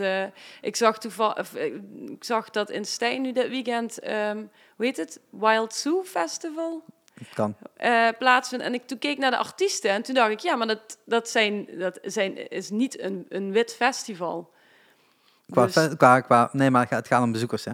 ja, Niet om wat op het podium staat. maar, maar Dus Limburg is ook relatief iets witter Ja. dan bijvoorbeeld de Randstad. Hè? Ja. Dus, ja, maar dan zou je nog en, steeds en een ouder aantal... ook nog. Ja, ja, dat sowieso. Eh, al worden toch wel heel veel jeugdige dingen toch ook wel weer geprogrammeerd, gelukkig. Ja. Nu is eh, Cultura Nova in, eh, in Heerlen. Iedereen die tijd heeft en zin heeft, ga daar vooral heen. En Er iedereen die vooral naar een wit festival wil, wil kom naar Proevenement. ja. Ja, Ik weet niet als ik dat meteen zou willen promoten, maar Cultura Nova vind ik toch wel een... Maar daar een- hebben ze ook soms moshpits hè, bij het Proevenement. Ja, Altijd ja. eh, of vaak als je ruzie. gewoon, gewoon één zo'n zo'n toastje in de midden legt en dan iedereen eromheen ja, begint ja, te rennen. ja, Ja. ja. Nee, maar bij, bij Cultura Nova is wel ook wel een hele grote diversiteit te zien eh, deze week. Deze weken, volgens mij is het twee weken of zo. Ehm, dus ik zou zeker adviseren om, daar, eh, om daarheen te gaan, van de mensen. Ehm, Tim vraagt, welke muziek trek je echt niet? Ehm, nou, ja. Welke muziek trek ik echt niet? Wat kan ik echt niet hebben? Ja. Ehm, echt noise. Dus als je echt... eh, Alleen maar de ruis van, van, de, van de hardcore en de terror. Echt dat. Alleen maar... Dat. En ja, hip-hop. Eh, eh, eh, van, de, van de new age, zeg maar, hoe, nee, van van de new wave stroming hip-hop. Daar kan ik ook echt weinig mee. Maar dat, dat heeft denk ik meer te maken met de inhoud De textuele van de teksten dan, dan met de muziek zelf. Ja. Van bijvoorbeeld Osdorp Osdorp. Ja. Osdorp Possie. ik vind Osdorp Possie echt te gek. Nee, Osdorp Possie vind ik wel vet. Ja, Bijvoorbeeld. Maar ehm, maar dat komt uit een hele andere tijd dan, ja. dan de huidige ja, hip-hop scene. Nou, er is echt wel muziek die ik echt niet trek. Maar ik ben even nou aan het denken van ja, wat, wat, ik, wat, wat ik heel erg heb is, ik vind eh, specifieke bands en acts vind ik, eh, vind ik vaak tof. Maar dat wil dan niet zeggen dat ik de rest van de muziek daarvan tof vind. Eh, zeg maar van, van, van een andere band in Ja. hetzelfde genre, dat ik dat dan ook vet vind. Bij mij is echt heel specifiek dat ik bepaalde eh, ja, gitaarpartijen of riffs altijd vet vind. Of de zang gewoon echt heel gaaf. Of, Ja. En dat... dat, dat, eh, Dat hoeft niet in een andere band terug te komen. Dat is gewoon specifiek aan die band. Ja, juist. Maar er Ja. zijn ook een heleboel mensen die gewoon eh, alle hardcore vet vinden. Of alle jazz. Of alle... Bij wijze van... Ja, dat heb ik dus echt helemaal niet. Maar daar zijn ook weer festivals voor, zoals Noordse Jazz. Dan kun je gewoon alle kanten op. En wat je maar leuk vindt, loop je een zaaltje bij binnen. Die bieden Over- echt alles ik zit even te denken, want ehm, we hadden het nou net over Thunderdome en wat me daarin aantrekt. Maar er is nog een andere band eigenlijk die een crossover doet. En waar ik, eh, die heb ik eh, kennengelernd eh, in 2007 op Pinkpop. Ja, Atari Teenage Riot. ja. Ja, daar moet je ook echt van houden. Dat is dus, ja, zij noemen het zelf digital hardcore. Dat is Ja. nog een, st- een stapje verder. Met, met eh, gitaren. En het is eigenlijk de punkversie van hardcore. En dat is echt een band, een van de bands die mij is bijgebleven al die jaren. Daar ga ik ook nog steeds van naar concerten. Dat blijf ik gewoon echt vet vinden. En Maar dat is dan weer die mengelmoes graag- eigenlijk dan weer. Wat zeg je? Dat is die mengelmoes dan weer tussen de hardcore Ja, en de punk ja, en de ja, gitaren. en ik ben de- nog steeds voornemens Ja. om ook zo'n muziek te gaan maken. En ik heb daar ook wel de apparatuur voor. Niet hier. Hier staat niks meer. Inbrekers. Nee, maar even serieus. Staat Nee, hier niet meer. Maar Degene die op de 360 meekijken, ik weet niet of het überhaupt nog, nog nee, ja, doorloopt. kijk maar. Ja, er sta- staat helemaal niks meer. benieuwd. Echt al Er staat een boeddhabeeld en is weg. Ehm, maar eh, ja, ik, ik ben wel nog voornemens om, om daar wat mee te, mee te doen. Eh, ooit. Maar ik zie wel, vooral vanuit, eh, vanuit de Aziatische kant op dit moment, dat er heel veel van dat soort bands Ja, dat opkomen. begreep ik inderdaad. Ehm, ik wil Crossfade zeggen. Ik denk dat ik het goed heb. Is is zo'n bandje dat dan gewoon eigenlijk metal maakt, maar eigenlijk weer net eigenlijk te veel elektronisch is. Ja, Die dan nog een stukje hardcore in, in de intro neerzet. En gewoon op nummer 9 op de plaat Ja. opeens gewoon echt een vol trendsnummer plaatst. Tot je denkt, hoe komt dat nummer op, dat, op deze plaat? Hoe kan de platenlabel hier akkoord voor hebben gegeven? Eh, want het is gewoon 2,5 minuut totaal andere muziek. En dat dan gaan ze weer vrolijk verder. ja. En dat je denkt, ja, maar in, in Azië is het heel normaal, ook met, natuurlijk met, met, met BTS en, en eh, de popbandjes die er nu vandaan komen. BTS? Ja, dat zijn allemaal van die bandjes die heel goed verkopen daar. Wa- wa- wat Eh, is BTS? Ja, zo'n zo'n J-pop en K-pop. Ja? eh, uit Japan en Korea. Eh, die hebben allemaal die mengelmoesjes, want die zijn opgegroeid met eerst met alleen maar hun traditionele klassieke muziek ja. en krijgen dan westerse invloeden en eigenlijk niet weten wat ze ermee moeten, want ze hebben nooit die opbouw gehad. Ja. En eh, dus dan begin je een boybandje daar of een, een, een, een girlband en dan ga je hem alles bij elkaar gooien en dat is wat J en K-pop eigenlijk is. Hm. Waardoor het heel erg interessant is om naar te luisteren. Nu ben ik zelf geen fan van JFK pop, maar zo'n crossfade wat dan in de metal scene rondspeelt, dan denk ik van, fuck, waarom heb ik dat niet eerder gehoord? Maar ik vind het heel tof dat juist dus die verschillende stromingen waar ik voorheen heel veel naar luisterde, eigenlijk allemaal bij elkaar komen. Ja. En in Nederland is het nog heel braaf. Dit is metal en dit is eh, dan eh eh, prog en dit is en er, nu zie je steeds meer overlappingen komen, maar het is, het is nog niet zo ver als, als ze daar in Azië Ja. zijn. ja, als jij het zegt, zal dat Ja. wel zo zijn. Ja, ik heb zelf ook niet per se het idee dat het hier heel erg of-of is. Terwijl het in Limburg wel. eh, ik had het daar toevallig een tijd geleden met Bart over. Eh, van, eh, nee, Agents After All. Oh, sorry, ik ben in de naam gewoon kwijt. Ga maar gewoon door in het verhaal.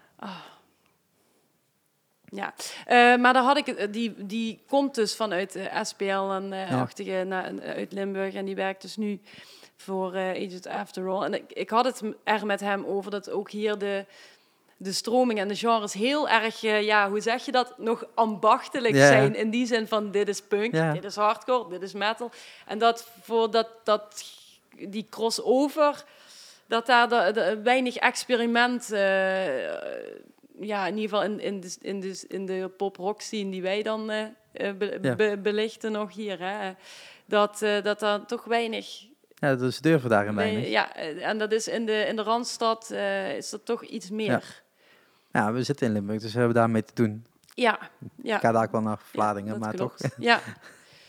En, Ja. en de dag daarna opnieuw naar Scheveningen. Maar ja, het is wel inderdaad... Het, het, je merkt wel een verschil, maar de bandjes die groot worden, zijn nog steeds heel erg duidelijk. Het is een heel duidelijk beeld van wat ze maken. Het is Wa- rock, ba- muziek, Noem eens een voorbeeld. Ehm, als ik dan eh, nu- eh, Nielsen of Ellen Clark of Kensington, ieder heeft zijn duidelijke Wacht beeld. even, Tim. Eén, wat ik echt niet trek, Is Kensington? Zeg alsjeblieft Kensington. Alan Clark. Oh, shit. Echt, nee, daar Nee. kan ik echt zo niks mee. Ja, ik ook. Verschrikkelijk. Ik ook niet, maar hij En, stond dit eh, jaar en ook. Miss Montreal. Ik vind eh, zo, eh, als ze bijvoorbeeld Zij is ergens... super tof, maar ja, ja, maar de ik, muziek? die hele muziek echt he- helemaal niks mee. Nee, echt niet. gewoon hele goede popliedjes Bluff maakte. ook niet. Nee. Nee, Nou, hey, Tim, je hebt gewoon een heel breed antwoord gehad.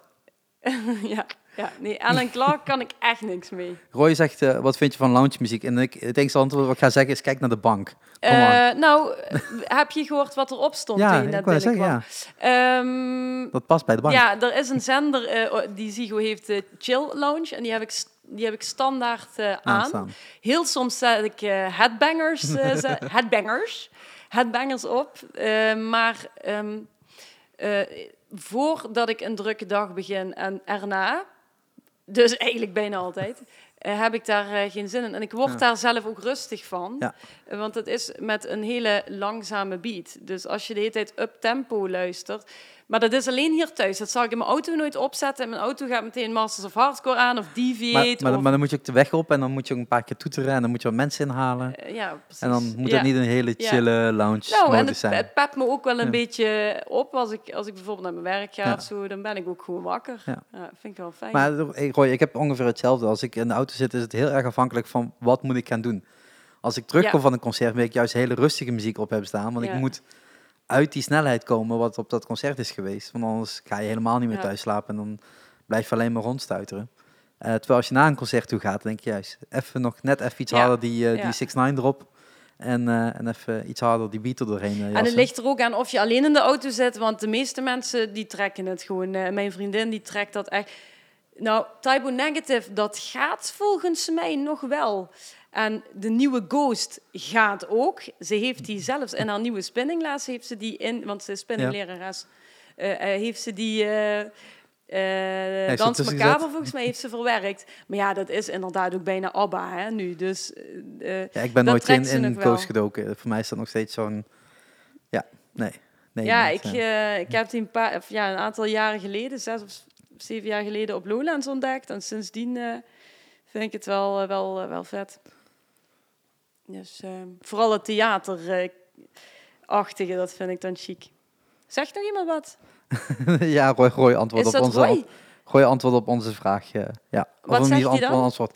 Eh, nou, hij zegt eh, als liftmuziek dus. En dan, daarna zegt hij inderdaad, daarom kan ik de, erna nooit slapen. Dank voor de tip.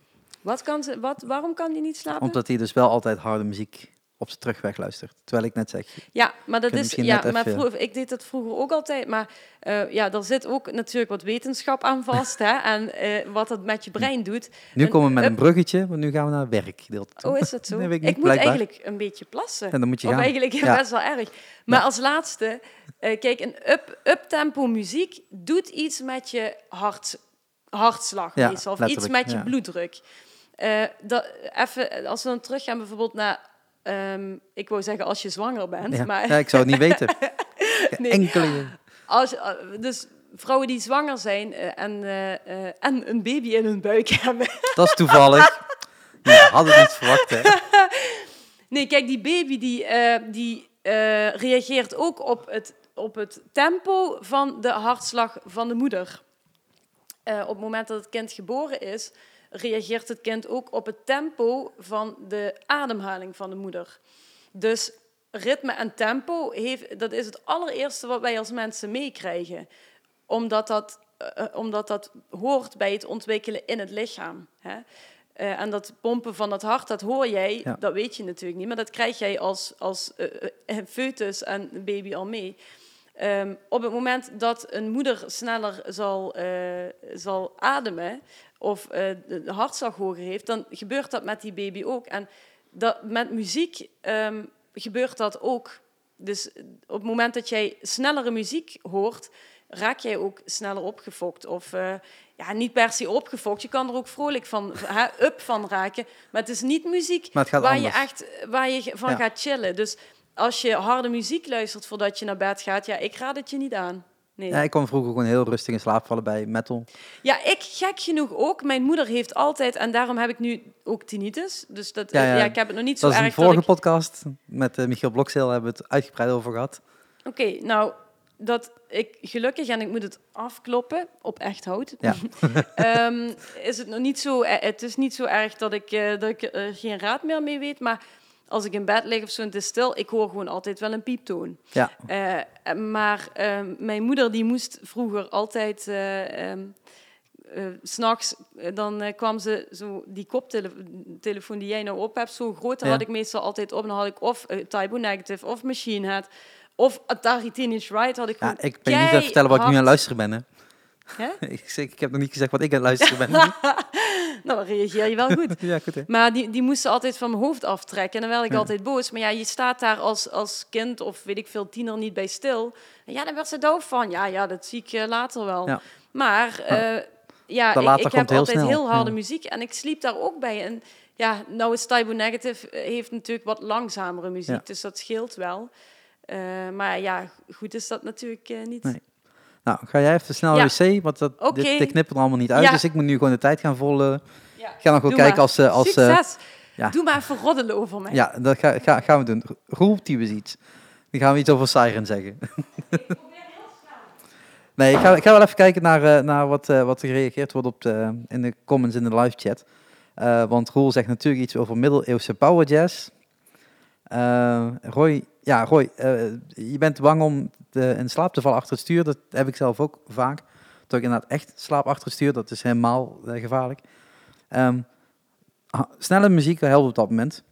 En dat is natuurlijk alleen maar fijn om op dat moment iets meer up tempo te hebben. Alleen op het moment dat je aan thuis komt, ben je gewoon nog opgefokt. Uh, dus de laatste, de laatste paar kilometer zet ik gewoon altijd iets rustigere muziek op. Of zelfs uit. Roel, ja, we weten dat je vrouw zwanger is. Congrats daar nog mee.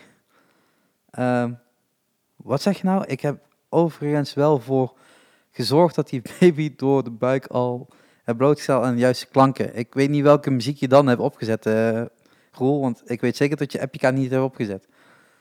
Uh, en Roy, ja, Arch Enemy, ja, in de nieuwe setting is sowieso uh, een stuk anders, maar die oude setting was natuurlijk wel heel tof.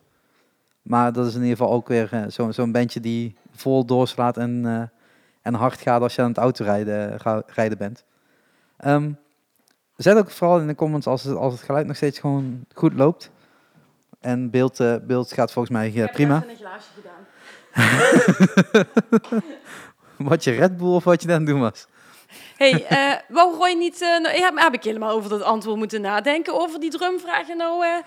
Oh ja. Hij wou toch weten waarom ik... Ja. Roy, jij wou toch weten waarom ik met, Roy, met sokken aandrum en niet op blote voeten? Ja. Nou, dat nou. is omdat, nou, ik heb dat serieus wel eens geprobeerd op blote ben je voeten. dichter bij de natuur. Um, Nee, ik vind het gewoon heel fijn om de pedalen... is toch uit deze regio, of niet? Wat blieft? Volumia is toch uit deze regio? Maastricht, ja. Ja, toch? Ja, studenten, ja, van de studenten. Wat heeft dat er nou mee te maken? die hadden nummer dichter bij de natuur, toch? Dicht bij. Ik, ja, ik, ik, Ken je classics? Volumia hou ik ook niet van. um, maar uh, als ik uh, geen sokken aan heb, ja, voor, voor, mensen die niet weten waar ik het nou over heb, ik drum altijd zonder schoenen aan.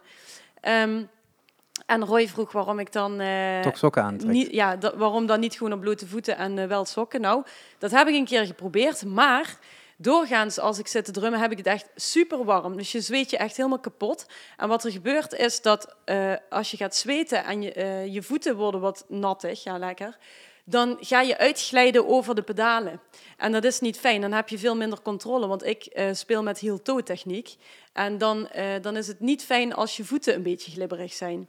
Een ander voordeel is van sokken aan hebben dat je net iets minder snel je zeer doet aan metalen dingen die uitsteken of de splinters die op de grond vallen van de drumstokken. Eh, in, je, in je sok heb je nou, hè, want het zijn meestal Ik hoor allemaal voordelen die je gewoon met schoenen had kunnen doen. Ja, Waarom met- geen schoenen? Waarom geen schoenen? Omdat, eh, omdat ik dan de feel eh, verlies met het pedaal. Dat kan wel, maar ik vind het niet fijn. Nogmaals, ik doe drummen met de heel toe techniek, dus dat is de dubbel bass techniek. Eh, die kan je ook met schoenen aan, maar ik vind dat fijner om met sokken aan te doen, zodat ik dus meer contact heb met de pedalen. Ja. Maar eh, bijvoorbeeld splinters eh, heb je, die komen direct in je voet. Liever blijven ze even hangen in je sok. Want mijn drum, ook altijd als ik heb gedrumd, dan zie je dat ook altijd aan mijn sokken, want er zitten allemaal fiepjes aan. En doorgaans ga ik ook naar het podium toe, trek daar mijn schoenen uit en dan kan ik gaan zitten en dan daarna weer weglopen. En dan, ja, als ik dan ook nog mijn sokken moet uittrekken, nee. Dat, eh, dus da- dat is de reden dat ik, dat ik op mijn sokken eh, drum. Is het een eh, is het bevredigend antwoord? Of? Wie is Twan? Twan. Wie is Twan? Gooi. Welke twan? Ja, weet ik niet. Roy zegt, ah, zou Twan daar dan geen last van hebben? Zweet. Oh, Maar duidelijk verhaal. ja, ja. Ik, Huh? ik weet niet hoe Twan drumt, maar ja, iedereen, eh, iedereen doet dat anders. Welke Twan is het? Van, eh, ja, god, ja, het is echt Oh. namen. Roy, erg. antwoord. Van antwoord. vroegere Dreadlock Pussy, denk ik dat hij bedoelt. Oké. Van, eh, die nu in, de, in die metal Twan. Twan B, van, Twix. Hè? Twan B, Twix. Twan B en dan Twix. Dat is wat hij nu antwoordt. Oké, ja, nou ja. Ik weet het anders ook niet. Sorry, gooi. Geen idee. Kan ik trouwens eh, ook zelf een link op mijn eh, pagina zetten? Ja, naar dat deze? kan. Oh, dan moet ik dat doen, want dan kan mijn moeder meekijken. ja, nou, doe dat even. Ja. Doe even. Ik ga niet nog een keer alles vol. Ja. Dat ging net al heel lastig. Twan Bakker. Oh, Twan Bakker, van ja, ja, tuurlijk. Ja, nou, dat is, hij is dat dus, ja. Ja. Maar ik weet niet... eh Ja, sorry Roel, ik weet hey, niet al die Roel, namen. Roel zei niks te zien. Jawel, Oh. jawel, hij stelt zich gewoon aan. Toch Roel? Ik hoop het. Het wordt een hele vreemde podcast, omdat het gewoon randomly Heb je me het getagd? Want anders dan kan ik het niet vinden, denk ik. Ja, ja, ik heb je getagd. Kijk. Ja, dat is makkelijk hè. Alle Sorry dat ik technieken. zo zit te boeren, mensen. Ik heb cola ginger gehad. Dan eh, is echt... eh, Ja, ik hou het gewoon nog steeds Ja. bij water.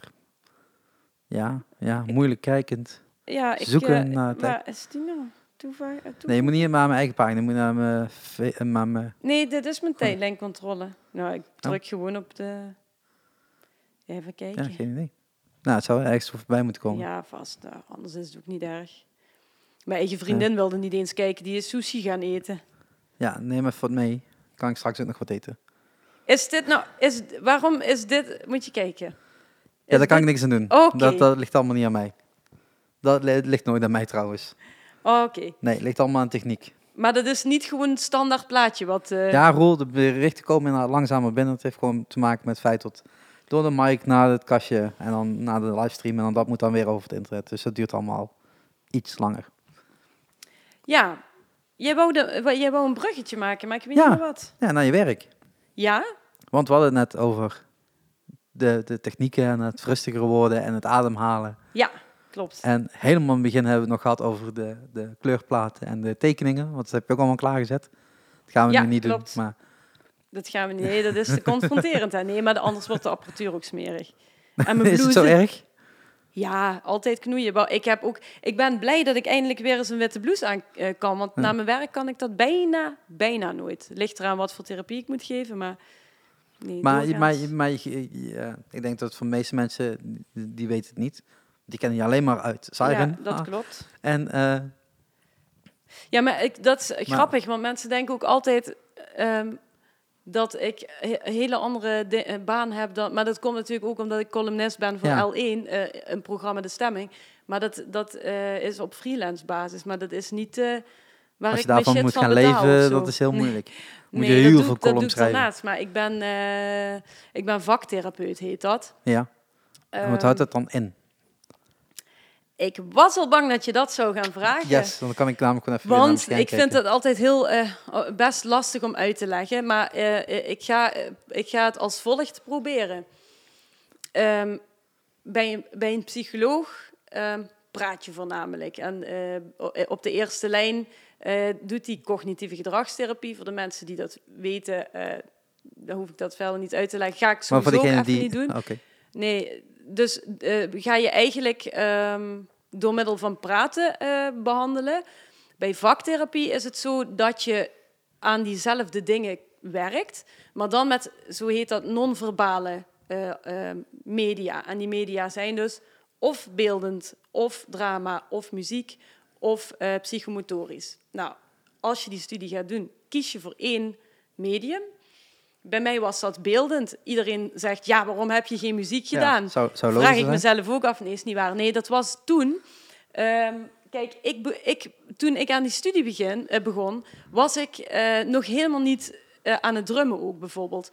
Maar je moet een toelatingsexamen doen, waarbij je dus bijvoorbeeld basisnoten lezen moet kunnen en piano spelen. Dat, ken, dat kon ik toen ook niet. Uh, daarnaast was ik nogal laat met aanmelden en was, ik mocht blij zijn dat ik nog kon meedoen aan de laatste ronde van toelating. Ik geloof dat we met eh, z'n zes toelating hebben gedaan. In de laatste groep daarvan zijn er twee toegelaten, waaronder ik. Dus daar mocht ik blij mee zijn. Toen heb ik beeldend gedaan, omdat ik gewoon ook veel schilder en teken en uh, dat ook heel veel heb gedaan. De creatieve uitingen die heel veel muzikanten van zichzelf onderschatten. Um, ja, nou ja, ik heb dat sowieso heel, heel veel. Ik had ook tekenen en uh, kunstgeschiedenis in mijn uh, examenpakket. Ik doe daar nu eigenlijk te weinig mee, want ik heb dat wel een hele poos heel veel gedaan, uh, schilderen. En dan wil ik ook wel weer gaan oppakken, maar ja, ik kan niet alles tegelijk doen. Um, maar met, met, zo'n, met dat medium, niet medium zoals in Jomanda, maar met dat middel, zeg maar, ja. um, ga je, uh, kun je op verschillende manieren um, ja, uh, uh, therapie geven, werken aan mensen hun behandeldoelen. En dat kan individueel, maar ook in een groep. En dan heb je het over bijvoorbeeld um, het oefenen of experimenteren uh, met verschillende copingstrategieën. Copingstrategie is hoe ga ik met moeilijke dingen om? Hoe ga ik met problemen om? Um, of hoe ga ik met mijn angsten om? Of met mijn depressie? En dat kan allemaal in groep of Individueel. Dat kan allemaal in groep of individueel. En, en dat is dan wel op indicatie. Ik leg het nu even heel kort ja, de bocht uit. Want eigenlijk, ja, ik, vind, ik heb altijd heel lastig gevonden om dit uit te leggen. Omdat ik je dan eigenlijk zoveel achtergrondinformatie nog moet geven. Uh, dat, dat gaat gewoon eigenlijk niet. Laten we het zo zeggen, het is een ervaringstherapie. Dus je leert door te doen binnen bepaalde kaders die de vaktherapeut uh, uh, maakt. Is dat dat iedere stad zo iemand heeft? Wat blieft? Is dat dat iedere stad zo iemand heeft? Of zijn instellingen ik op regio? Ik werk niet voor de gemeente, hè? Nee, maar, nee, maar als in zijnde... Is dat regionaal? Komen mensen van heel ver daarvoor? Of is het gewoon iedere... Ik snap niet zo goed wat je bedoelt. Uh, uh, de mensen die naar jou toe komen ja? om die therapie te doen. Ja? Want het is gewoon therapie. Be be beeldende therapeuten zitten bijna in elke ins, uh, in, bij, bij, bijna elke organisatie. Oké, okay, maar die organisaties zitten die op, uh, op lokaal niveau? Of is dat de, gewoon regio van Ik iedereen? werk bijvoorbeeld bij het Zuiderland ziekenhuis. Oké, okay, en dat is... En die hebben een best wel grote GGZ. ik moet er wel bij zeggen, ik ben niet alleen beeldend vaktherapeut, heet dat nu. Nee, ook columnist, ook muzikant. Ook. Nee, nee, nee, dat bedoel ik niet. Nee, ik doe daarnaast ben ik ook, uh, heb ik me ook bijgeschoold in de jaren tot uh, acceptance commitment uh, therapist heet dat. tot mindfulness trainer en um, ik heb nog de mentalization based treatment opleiding gedaan. maar wel vanuit de werkgever, want dat was op die afdeling, ja, ik ga het verder ook niet uitleggen, maar dat is een bepaalde gesprekstherapie aangewezen voor mensen met persoonlijkheidsproblematiek. Uh, kun je dat gebruiken. Maar daar ga ik je verder niet mee lastigvallen hoe dat allemaal... Dit allemaal... Andere podcast. Ja, dus um, dat, dat zijn eigenlijk allemaal eh, dingen die ik doe op mijn werk. En, en, en dan kom je dus als ochtends om acht uur binnen? Ja, dat, dat is... nee. en dan ga je, ga, je, ga je knutselen met iedereen? Ja, dat is meestal wat je krijgt te horen van... Ja. oh, wat een leuke baan, lekker knutselen. Maar zo zit het niet. Is het heel veel gesprekken uh, Er zit een heleboel ook, maar er zit ook uh, observatie bij. Je draagt bij aan de diagnostiek. Je moet dossiers bijhouden. Je moet uh, uh, verantwoorden voor de verzekeraars. Dat is echt een, hele groot, dat is een heel groot ding binnen de GGZ.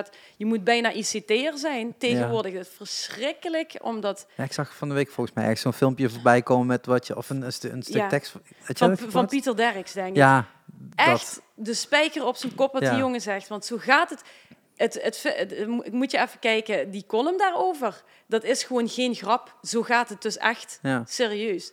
En dat is de frustratie in de GZ. En dat maakt ook dat er... GZ is gezondheidszorg. GGZ is de geestelijke geest- gezondheidszorg. Er is op dit moment ontzettend veel leegloop. Er is vraag naar personeel. Er zijn ontzettend veel zieken, eh, langdurig. Omdat er, ja, Schippers is dat eh, ooit geïnitieerd, gewoon heel veel bezuinigingen en privatisering eh, eh, is, ehm, is gebeurd. En ja, dat heeft nu zijn uitwerking, waardoor eh, er zoveel uitval is dat andere mensen daar dan ook weer door worden belast.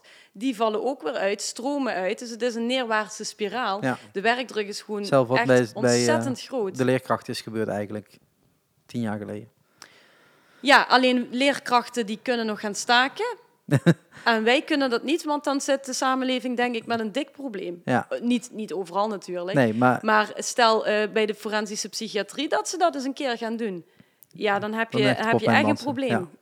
In de zorg kunnen ze gewoon niet eh, zomaar gaan staken. Nee. Dat gaat niet. Nee, maar, de- maar je zegt net al van je werkt niet voor de gemeente. Je werkt, werk je dan gewoon onder contract van het, het ziekenhuis? Ik Of ben in anders- loondienst. loondienst ik ben van- in loondienst van, eh, van op, op dit moment van het ziekenhuis. Hiervoor heb ik bij Mondriaan Zorggroep gewerkt. Daarvoor heb ik voor Prins Claus Centrum gewerkt, maar dat, is nu, dat was toen Orbis, maar dat is nu dus ook eh, onderdeel van Zuiderland. Maar el- bijna elke GGZ-instelling heeft beeldend therapeuten, net zoals ze eh, psychologen hebben, net zoals SPV'ers, PIT-verpleegkundigen, eh, psychiaters. Ja, ik ben totaal niet thuis in die wereld. Dus voor Ja. mij klinkt dat echt allemaal bijna als hocus Ja, pocus. ja maar moet- GGZ is, wel, eh, werkt dan in regio Maastricht. En daarbuiten, zeg maar. Nee, GGZ is gewoon Nederland. Nederland de GGZ is de geestelijke gezondheidszorg. Voor heel Nederland. dat is een tak van, eh, eh, van, van, van de zorg. Ja, je- je kijkt dus het is geen organisatie. Ja. Het is, de GGZ Dat is, is een benaming zijn, voor. alle, ja, zijn alle instellingen die binnen de geestelijke gezondheidszorg. Dus dat kan een RIAG, ja, die zijn nou failliet geloof ik. Maar, of de MET GGZ, of, of Mondriaan Zorggroep, of eh, eh, ehm, eh, het Vincent van Gogh Instituut. Of eh, ja, Zuider- honderd Zuiderland ja. heeft ook eh, geestelijke gezondheidszorg. Dus elk ziekenhuis, als ik me niet vergis, heeft ieder ziekenhuis een afdeling geestelijke dan dus ook- gezondheidszorg. Dan, dan zit je gewoon... eh, ja, hoe moet, ik dat, hoe moet ik dat goed omschrijven? Je zegt het is in het ziekenhuis. Dus gewoon in het grote gebouw. Nee, Of is nee, dat dan weer los weer? Nee, het is onder de nee. koepel van. Ja, want een Ja. ziekenhuis heeft natuurlijk hè, een hoofdgebouw. Ja. Eh, maar bijvoorbeeld hebben ook nog oudere eh, psychiatrie. Op dit moment zit ik daar nu eh, het grootste deel van de tijd. Ehm, maar ze hebben ook ambulante en deeltijd psychiatrie. eh, en die komen dan wel in een bepaald deel van een gebouw daar samen. Maar ik heb eerder in Heerlen en in Kerkrade en Brunsum gewerkt. En dat, is, dat was onderdeel van het ziekenhuis, maar op een andere locatie. Net zoals dat ik nu ook voor de deeltijdbehandeling ouderen werk van het Zuiderland.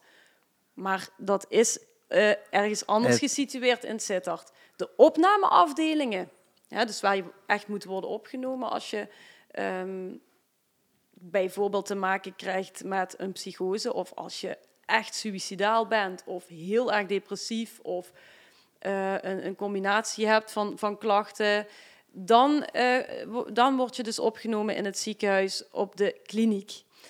Maar daarvoor zijn weer andere niveaus van therapieën dan bijvoorbeeld mensen die in deeltijd komen, want de belastbaarheid is anders. Ja. Ik denk dat ik het enigszins begrijp. En ik hoop jullie luisteraars ook. En als er vragen zijn, kunnen ze gewoon allemaal stellen. Hè? Ja, Info at en dan... eh, ja. Maar dat, dat is dus inderdaad, ja, mensen denken altijd dat ik iets heel anders doe. eh, maar eh, dat, eh, ja. Ik heb echt van, van allerlei chats gemist. Maar nee, ik, Ah. dat komen daar ook wel weer op terug. Want ehm, je zegt al van, het is niet dat je, dat je alleen maar bezig bent met die mensen, maar je moet ook heel veel dingen invullen en heel veel dingen registreren. ja. Ehm, dan ga ik natuurlijk de hele botte vraag daarin stellen. Is dat een toegevoegde waarde voor die mensen? Tot dat zo Ehm, wat precies? tot het allemaal zo geregistreerd wordt? Tot het allemaal zo... In, in, welke, in welke vorm? Je Nee, doet het- je- registreren. nee, ja, wat be- hoe bedoel je? Je ik, moet ben, het een ik ben twee dingen tegelijk. ja, het ik, daarom sorry, dat ik ook al zeg... Ja, ja, er zijn heel veel. eh, ja. Het registreren. Ja, het, het, dossier opmaken ja, en het, dossier. Nee, het een fixen dossier. voor, voor de verzekering. En, Ja, maar dat, dat, daar kiezen wij niet voor. Ehm, het registreren moet gebeuren eh, vanuit de overheid voor de verzekeraars. ja, Op het moment dat wij niet registreren zoals men dat verlangt, ja, krijgen we minder geld. Alleen, ja, vaak is dat een hele scheve constructie, want zij gaan eigenlijk uit van vraag en aanbod, waarin zorg een product is. Alleen, je vraagt het is niet alsof je, jawel, je vraagt, jawel, zorgvragers vragen zorg. Ja, dat is wel. Je, je vraagt om een dienst, je vraagt om ja, zorg. Want je krijgt nooit gedwongen behandeling, eh, behalve als je een gedwongen opname krijgt. Maar, maar relatief gezien gebeurt dat eigenlijk bijna. Ja, het gebeurt wel, Ja, ja, maar, dat, dat is echt maar een heel klein stukje van de van Oké, de dus je gaat zelf naar de Ja. instelling toe en zegt van... Ja, of naar een help. eerste lijnspsycholoog kan ook, hè, natuurlijk. Ja. Ehm, en dat doen heel veel eh, mensen overigens. En ik zou ook willen dat daar het stigma eens een keer eh, van afgaat. Want ehm, je- ja, bij ik heb altijd gezegd, ik doe het zelf wel. Ja, en, En, en juist door die instelling komen mensen in de problemen. Ik doe het zelf wel. Ja. Eh, mensen zien het vaak ook als een teken van zwakte of zo, hè, om, om hulp te vragen. Maar dat was twintig jaar geleden ook, hè? Dat als in zijn dat, dat- was men ja, maar nu, vond dat het algemeen tot dat Ja. een zwakte was. En nu is dat... Nou, ik vraag me dat af. Ik vraag me dat af. Eh, eh, er is nog steeds, eh, vind ik, in de diepere lagen toch ook nog wel... Kijk, nou moet ik dus zeggen, ik, ik heb zelf te maken gekregen met een... Nou, mag ik echt zeggen, een ernstige burn-out. Niet gewoon even overspannen, maar gewoon echt het niet meer zien zitten en, en niks meer kunnen. Ehm, dan merk je toch... Want kijk, als je zelf in de zorg werkt, dan denk jij... Nou, maar er is eigenlijk best wel veel begrip. Maar op het moment dat jij zelf te maken krijgt met dat soort dingen, dan merk je pas eh, dat veel mensen dat helemaal niet snappen. Of Nee. krijg je het gevoel dat mensen denken van ja, kom, even schop onder je reet en weer gaan. Terwijl mensen die mij kennen, die weten heel goed dat ik eh, geen schop onder mijn reet nodig heb. Eh, maar dat ze me soms juist eh, moeten, moeten tegenhouden. En op het moment dat ik dus niet meer kan, dan kan ik gewoon niet meer. En dat geldt overigens voor heel veel mensen in de zorg. Wat ik net al zei, er is ontzettend veel uitval. En dat heeft echt ook te maken met hoe het is ingericht op dit moment.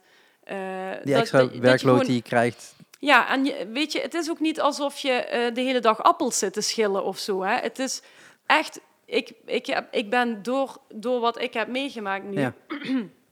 ehm, ben ik nu ook zo tot het besef gekomen van dat je, wil je dit werk kunnen doen, dat je zo goed voor je eigen gezondheid moet zorgen en voor je eigen rust. Anders kun je dit werk niet doen, want je krijgt te maken met echt hele ernstige dingen, met verdrietige dingen, met enge dingen.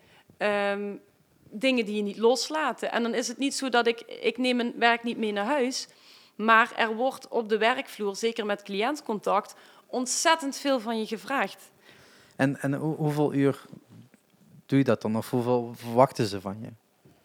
Qua uren. Nou, ik, mijn originele contract, ik ben nu nog steeds in herstel. Ja. Eh, dat, dat duurt heel lang. Ehm, mijn originele contract is 32 uur. Ehm, maar dat zijn wel 32 hele intensieve uren. En Ja. er is niet per se een heel strak... eh, op verschillende locaties werken dingen anders. Hè? Dus, maar je moet een aantal cliëntcontacten hebben. Alleen, de zorginstelling krijgt maar een aantal uren voor een aantal uren betaald. Dus je moet zorgen dat je niet onder en niet boven die cliëntcontacten komt. Maar vaak is het zo dat je altijd stevast te weinig tijd krijgt voor wat je eigenlijk moet doen.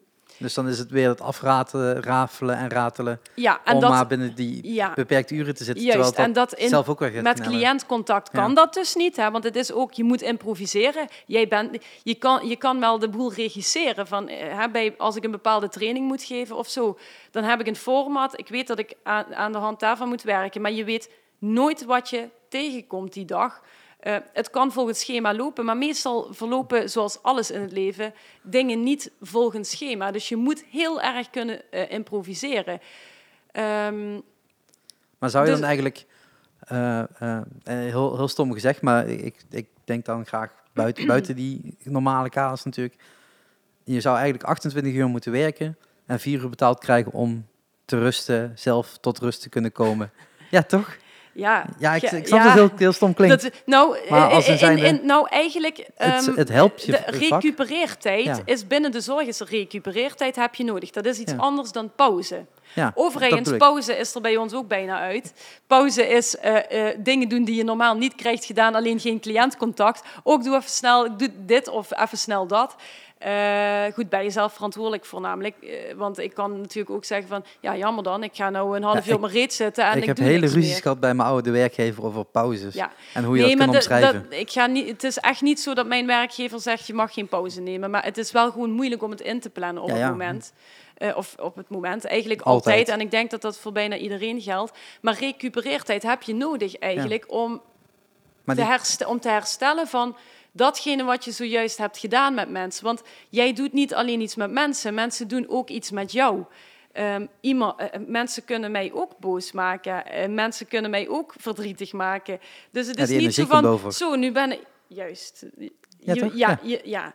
En je hebt dus een bepaalde mate van afscherming nodig. Maar dat is niet iets wat je zomaar kan... eh, dat is geen knopje wat je aanzet. En ehm, je, je, raakt, je kunt daar vermoeid van raken. Het is intermenselijk contact en dat is gewoon met een groep heel lastig. Zeker als je te maken hebt met mensen die gewoon ja, in het leven hele akelige dingen hebben meegemaakt. Of mensen die gewoon ja, niet zo vriendelijk tegen je zijn of, of dreigend of, eh, of heel verdrietig. Ik, ik kan ook echt heel verdrietig worden van als mensen mij bepaalde dingen vertellen of als er iets gebeurt. Ik heb in het verleden echt wel eens op het punt gestaan om mee te gaan eh, zitten huilen. Volgens mij heb ik dat ook wel eens een keer gedaan. Dus ja, ja, maar is- ik vind dat niet heel vreemd. Het zijn dingen, als je het hebt over, eh, over energie en over energieoverdracht. ehm, ieder mens bestaat uit energie. En op het moment dat Ja. jij daarmee gaat, aan de slag gaat, want dat, eh, je gaat er eh, samen op dat moment of als een groep aan de slag, dan draag je dat over op een bepaalde manier. En de bedoeling is om dat dan weer uit te balanceren. Ja. Maar je kunt niet je eigen energie daarin gaan stoppen. Als Ja. zijnde van mijn positieve energie, hier is die van mij. ja. En geef jouw negatieve energie maar aan mij en dan ga ik er wel weer mee lopen Ja, dienen. nee, dat moet die klopt. persoon nou, zelf doen. Zo, ik ben blij dat je het zelf zo verwoordt. Zo had ik het zelf niet kunnen zeggen, maar dat is inderdaad wat, wat er gebeurt. Maar dat heeft wel gemaakt nu dat ik... eh, Maar dan kom je zelf in zo'n burn-out terecht. ja, En dan ben je weer afhankelijk van mensen die je Eh, daar weer ja. gaan uithelpen. ja, ik en weet dan het. denk jij van, Ik weet het. Ik, ik ben jou te last, want jij pas, moet nog ja, en dan weet je pas, en dan weet je pas hoe het is, hoor. Nou echt. Maar ga je er dan, sinds dat je er nu mee, weer opnieuw mee bezig bent, anders mee om? Ehm, Omdat je nou, het dat zelf is, hebt ervaren? Dat is heel lastig, maar ik, de- ik dien daarbij ook te zeggen dat je krijgt, denk ik, nooit van alleen werk een burn-out. Hè? Ehm, er waren in die, in die jaren daarvoor een aantal nare dingen voorgevallen. eh, ja, of in ieder geval moeilijke Ja. dingen, ook met werk, bezuiniging. Eh, ik, ik heb op een heel veel soorten afdelingen gewerkt, gewoon omdat ik een, ehm, een pakket aan, aan achtergrond, kennis en eh, vaardigheden had ontwikkeld, waardoor ik gewoon wel handig werd op, op verschillende afdelingen. Wat super uitdagend is, maar ja, het doorgeschoven Ja. worden in teams, doordat de werkdruk heel hoog is, dat de cultuur op de, op de afdeling ook gewoon heel erg gespannen is. Ehm, dat dat eh, telt allemaal mee. Maar ik, ben, ik, ik had privé ook een aantal dingen voor mijn kiezen eh, gehad. eh, ehm, een, plotse relatiebreuk. ehm, eh, terwijl we eigenlijk eh, pas een huis hadden gekocht. Ja, eh, zorgen om, eh, eh, om, om die hele relatie heen. En over hoe moet het nou verder? En ondertussen verhoging van werkdruk. eh, weer een, een ander schema om te werken. Ehm, en ik, ik, was al, ik was al eerder gewaarschuwd, ook door mijn omgeving. Maar ja, ik heb mezelf altijd ervaren als iemand van... Nou ja, het kan, het kan ook wel echt heel erg druk en, en zorgelijk zijn. Ja. Maar tot dan toe had ik altijd zoiets van... Ja, dat is gewoon even een, een kutperiode, maar ik kom er wel weer bovenop. Maar kwam er niet, meer bovenop. Dus, ehm, ik, ik, en dat had ik pas door toen ik gewoon echt... Ik werd ook letterlijk ziek. Dat word je ook van een burn-out. Maar ik denk dat je pas eh, kunt snappen wat dat is als je het zelf hebt meegemaakt. Je wordt echt fysiek ziek. Dus op een moment, ik kon gewoon niet meer rechtop staan. Ik had hartklachten. Ehm, ik schrok overal van. Ik sliep niet. Eh, soms. En eh, als ik wel sliep, vier, vijf uurtjes, Ja, ja. hoogstens. Eh, niks is dan meer leuk en je hele hormoonhuishouding ligt, ligt door de war. Je maag-darmstelsel is helemaal van slag. En eh, ehm, ik, ik, er was gewoon niks meer leuk. Ik kon niet meer op mijn benen staan en alles was gewoon... Ik zag het echt niet meer zitten. Ik kan gewoon niet... Ik kan niet beschrijven hoe dat voelt als er de hele tijd een donkere wolk boven je hangt. En als je, het is alsof je de andere mensen zien de wereld in kleur en jij ziet alleen maar zwart-wit Ja. en het licht doet pijn. Dat is het. Ja. En zo, dan representeer je een vorm van jezelf die waarvan je denkt, dit ben ik helemaal niet. Nee, maar ook niet het idee hebben hoe je daar dan weer uit kan Ja, komen. dat, de- en dat was heel, dat was ontzettend akelig. En wat op dat moment heel belangrijk is, echt, eh, dat, zijn je, dat, dat zijn je vrienden. Met als voetnoot dat je er in die periode achter komt wie je echte vrienden zijn. En daar sta je dat hoor ik sowieso Ja. van iedereen. Da, daar ga je je over verwonderen, want de mensen waarvan je verwacht dat ze er zijn, Die zijn er niet. die zijn er niet. En, degene En niet mensen waarvan ja. je dacht, die, en mensen die er dan wel zijn, denk je, hè? Wow, dat is, ja, weet je, dat is, maar dat is ook moeilijk. En dat is ook een, een, een, eh, ja, een confrontatie. En ik mag gewoon heel blij zijn met de mensen die, ja, mijn vriendin, ik had nog helemaal niet zo heel lang eh, eh, relatie met haar, dus zij kreeg meteen echt alle kutzooi. dat ik dacht, ja, die gaat dadelijk weg, want wie wil, wie wil hier nou Ja. nog eh, bijblijven? Maar die heeft me er doorheen eh, ja, gesleept. En ook mijn ex-vriendin, die, die is heel fijn voor mij geweest, waarmee ik dus dit huis ook verkoop. Terwijl die het in die periode zelf heel moeilijk heeft gehad. Ehm, ja, en nog een aantal mensen waarvan ik het ook niet had verwacht. Eh, ik ben ook best wel wat mensen kwijtgeraakt. En dat ik dacht, ja, ik heb hier dus niks aan. Nee. En ik heb ook wat rigoureuze keuzes moeten maken in eh, waar krijg ik nou echt energie van. Want alles wat me energie kost, dat, ik krijg het gewoon niet meer voor elkaar. En voor mij was mijn enige doel, ik moet herstellen, want ik moet weer gaan werken. Ja. Eh, en dat ik nu hier met jou zit te podcasten. Nou, een half jaar geleden, drie kwart jaar geleden, was ik blij als ik een dag opgewekt was. Het, dus dit is echt een, een hele vooruitgang. eh, Dat ik Ja, gewoon ook- zin heb in dingen. Maar Ja. dat, dat, kost ook tijd en dat is ook de normale gang zoals het zou moeten. Maar wat je net heel kort even aanhaalde, ik moet beter worden voor het werk. Ja, Dat is, nee, maar dat is iets wat natuurlijk ja, iedereen, of iedereen, ik Ja. denk 95% van de maatschappij op dit moment heeft. Ja, Ja, maar ik moet morgen wel gaan werken, ik moet wel dit. En dan denk ik, ja, maar het gaat om jou. klopt. En ja, dat, Als jij zelf Ja. niet hersteld bent, nee, dat dan kun je gaan wel gaan werken. daar heb je- maar heb je gelijk in. niemand baat Daar heb je gelijk in, maar je hebt wel je, je geld nodig. En ik ben dan wel in loondienst.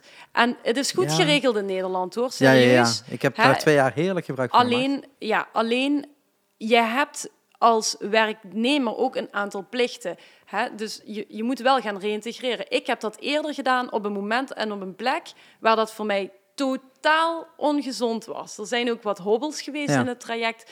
Op dit moment, ik heb ook zelf geïnitieerd om een eh, coach in de, in de arm te nemen. Dat gaat nou eh, helemaal de goede kant op. Daar ben ik ook heel blij mee. Maar ehm, je, je, hè, in principe, je wil toch weer terug aan in het werk. Ja, maar ik zeg niet dat dat slecht is. Alleen, het gaat vaak je te ja, vroeg. Dat, ja, ja, nou goed. En dan denk ik van, denk eerst aan jezelf. Ja, nee, dat klopt. Ja, en als het een maand langer kost, dan moet die werkgever een maand langer wachten. Nee, dat ja. klopt, dat klopt. Maar ik, mijn traject loopt nu al best wel eh, lang.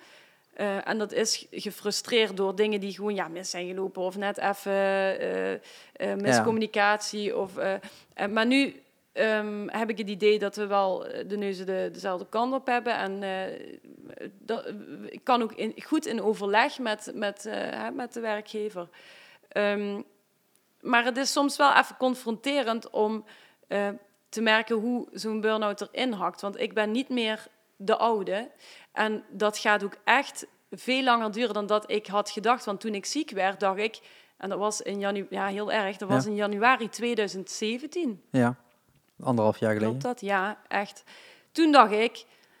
Ja, in maart... Ja, nee, maar in maart ben ik al lang weer aan het werk. Ja. Ja, en toen, ik, werd, ik kreeg toen ook nog lichamelijk wat complicaties. Niet levensbedreigend, maar ja, alsof mijn lichaam wilde zeggen, je moet blijven liggen. Ja. Je kunt niet meer staan. Ik kreeg een rugblessure, wa- waardoor ik soms niet meer kon lopen. Ik kreeg een kieste in mijn gezicht, die ineens geopereerd moest worden. Ik kreeg een blaasontsteking waar ik eh, niet van afkwam. Eh, Ja, ja maar je, je lichaam... ja, je lichaam is reageert uitge- erop, ja. ja, je lichaam is letterlijk uitgeput. En ik denk dat dat iets is wat veel mensen niet doorhebben. Dat ehm, een burn-out of depressie, dat dat fysiek ziek zijn is. Dat is niet je gewoon een beetje down voelen. Dat is echt ziek zijn. Want als ik kijk hoe ik er heb bijgelegen, nou, dat is echt zoveel verschil met hoe ik hier nu zit. En ik weet nu, het gaat nu al Ja. twee weken bijvoorbeeld redelijk eh, goed. Ik sport ook Ja. eh, veel. Ik zorg dat ik goed slaap. Hè? Rust, reinheid, Ja, regelmaat. Een beetje proberen plezier uit te halen. Maar ehm, ik weet dat er weer een terugval komt. Ja, Die komt er. Maar uiteindelijk is het drie stappen vooruit en twee weer terug. En dat Ja. is heel, ik, heel ik, ik maar... heb heel lang mijn 24-uursregel gehad. En dat was altijd, als ik iets heel tofs had gaan, moest het wel extreem tof zijn. En niet iets standaards.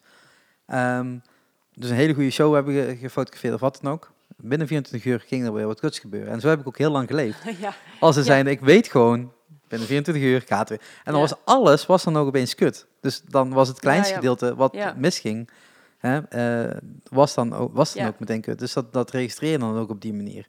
Dus het is inderdaad wat je zegt, als je dan eindelijk denkt van, eh, die, die drie stappen vooruit. ja, En dan moet je die, die, op, die klap die daarna komt weer kunnen opvangen. Ja, en heel veel het, die, ja, die gaan dan niet drie stappen, maar vier stappen terug. ja, klopt. En staan dus inderdaad weer een stuk terug van waar ze eigenlijk begonnen. Ja. En als je hier iedere keer met één stap eigenlijk vooruit komt, kom je vooruit. En Ja, dat, ja. dat moet je tijd geven. Ja, of stilstand is dan, is, kan ook oké zijn. eh, ja, ik zeg heel, heel ja. veel mensen, ga gewoon eens een keer stilstaan. En dan kijken ze, iedereen kijkt je vreemd aan. En ik zeg, maar je staat nooit stil, toch? Nou, weet je wat, wat, ik daar, weet je wat daaraan mooi is? Kijk, ik heb ook wel eens gehoord van iemand van, oh, eh, zelf een burn-out en je bent zelf hulpverlener. Is dat niet moeilijk? Toen dacht ik, ja, dat klopt. Ehm, ik ben bijvoorbeeld mindfulness trainer en die trainingen kun je wel geven en ik ben die ook blijven geven. Maar als je op een gegeven moment zelf niet meer de, daar ben, je, ben ik natuurlijk zelf bij. Maar op het moment dat het, dat, je, dat het je niet meer lukt om zelf te oefenen, want dat moet je wel doen Ja. als mindfulness trainer, ja, dan ga je voor de bijl. En ehm, eh, tenminste, als, je zo, Ja, als. Dat, als dat zo is gegaan zoals bij mij.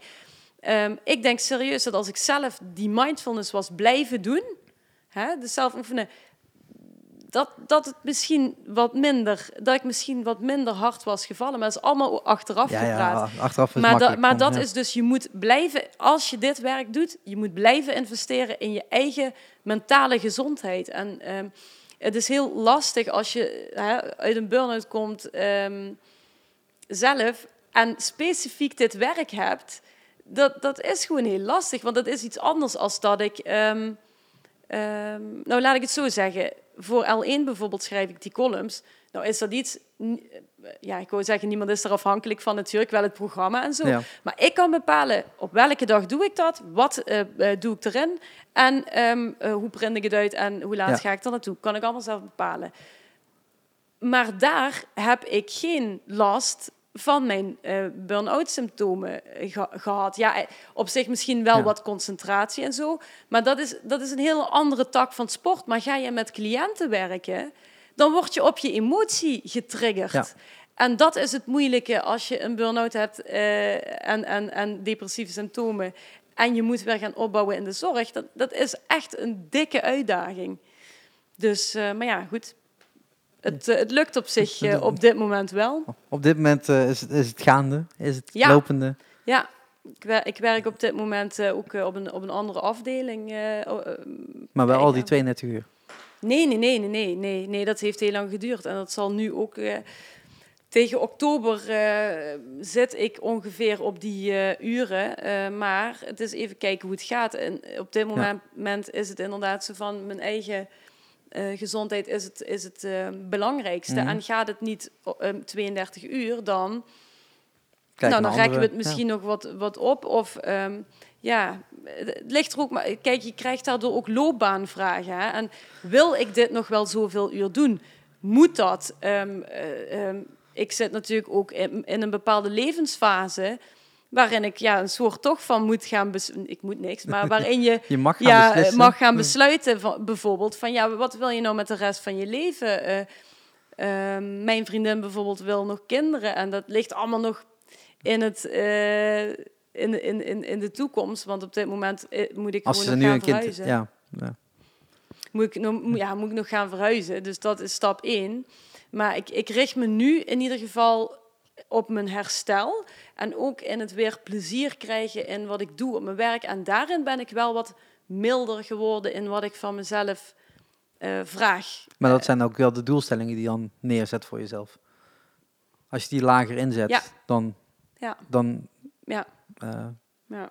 wordt die druk of die last wat minder om, om, om te beslissen. Dat, Ja. En eh, als het dan eh, over die mindfulness, want dat is even een van de dingen die in ieder geval bijblijft van de trainingen die je daarin hebt gevolgd. Help je dat, ja. ja, help je dat dan ook in zo'n periode? Als het zijnde van, als ik het niet had gedaan, als ik dat niet had gekund, dan... Dan denk ik dat het nog erger Ja, was geweest. ja. Maar dan had ik niet willen weten wa- wat, hoe, het, hoe ik er dan bij had gelegen. Ja, want heel veel, heel veel mensen zijn nog steeds heel bang voor mindfulness of, of Ja? überhaupt voor meditatie of voor... Ja, het is evidence-based en wordt eh, in de zorg ingezet. Het is een hele, een hele down-to-earth. eh, ik, ik, ik heb een hele hoop eh, verschillende soorten trainingen of therapieën Ja. gegeven. Daarvan is de mindfulness training voor cliënten, zeker op korte, middelkorte termijn, de meest effectieve en de meest down-to-earth training die er is. Het is alleen een andere manier van ehm, naar gedachten en gevoelens kijken. Ja.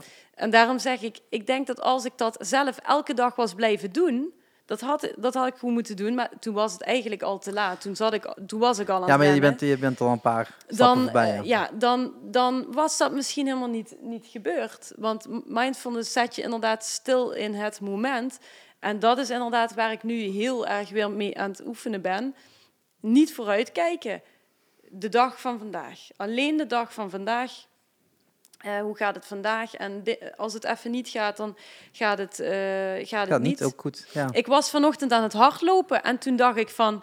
Goh, het is eigenlijk een soort van metafoor, eh, lijkt het wel. Want vanochtend bijvoorbeeld ging mijn hardloopronde, die ging echt supergoed. En ik dacht, hè?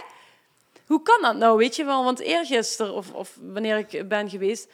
moest ik echt een paar keer even stoppen en dat ik echt super moe was. Terwijl nu, er was niet echt een reden dat het vandaag zo goed ging. Dus dan ga je nadenken, ja, wat heb je gegeten? Ja, twee blokjes chocola, hoe zou het daardoor komen? Of misschien doordat je één dag rust, eh, sportrust eh, Ja. hebt genomen. Ja, misschien ja, komt misschien door de tegenwind. Of misschien omdat het wat kouder is. Je weet het niet. Het gaat op die dag gewoon beter.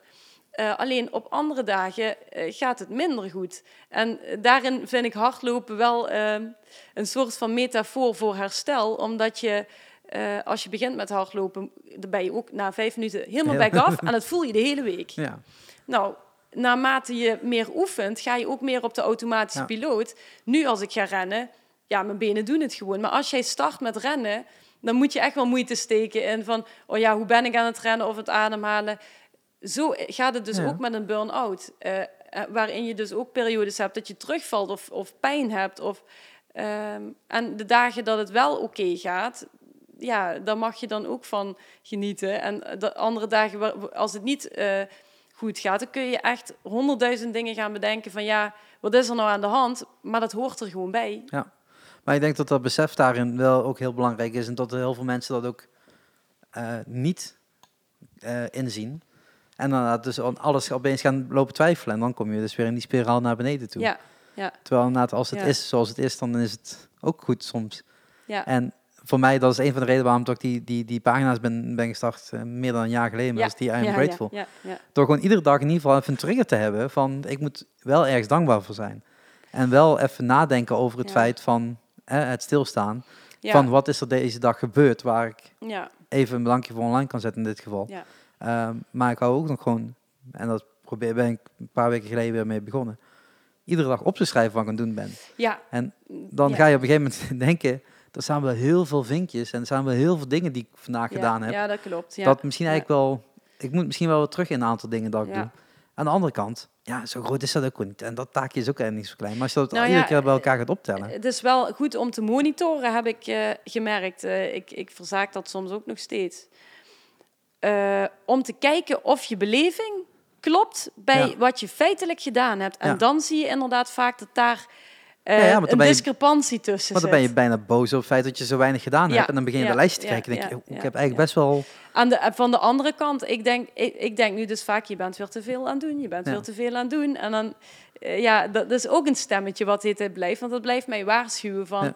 ja, dadelijk dan is het weer zover. En eh, doe, doe nou eens even rustig. Maar ik merk ook dat ik eh, van bepaalde dingen, ik merk nu wel beter waar ik energie Uitkrijgt. uit krijg. En de dingen waarvan ik merk in mijn onderbuik, ja, ik, eh, ik voel me niet zo oké bij, doe ik gewoon niet Nee, meer. Ja, daar ben En dat leidt een tot rigoureuze keuzes.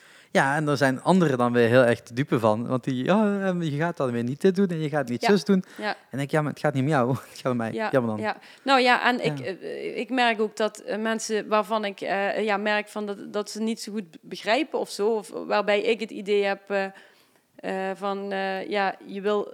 Hè, je, je wilt er vooral ook niet over hebben en je, waarvan ik het idee krijg van je, de- je denkt volgens mij dat je een aansteller bent.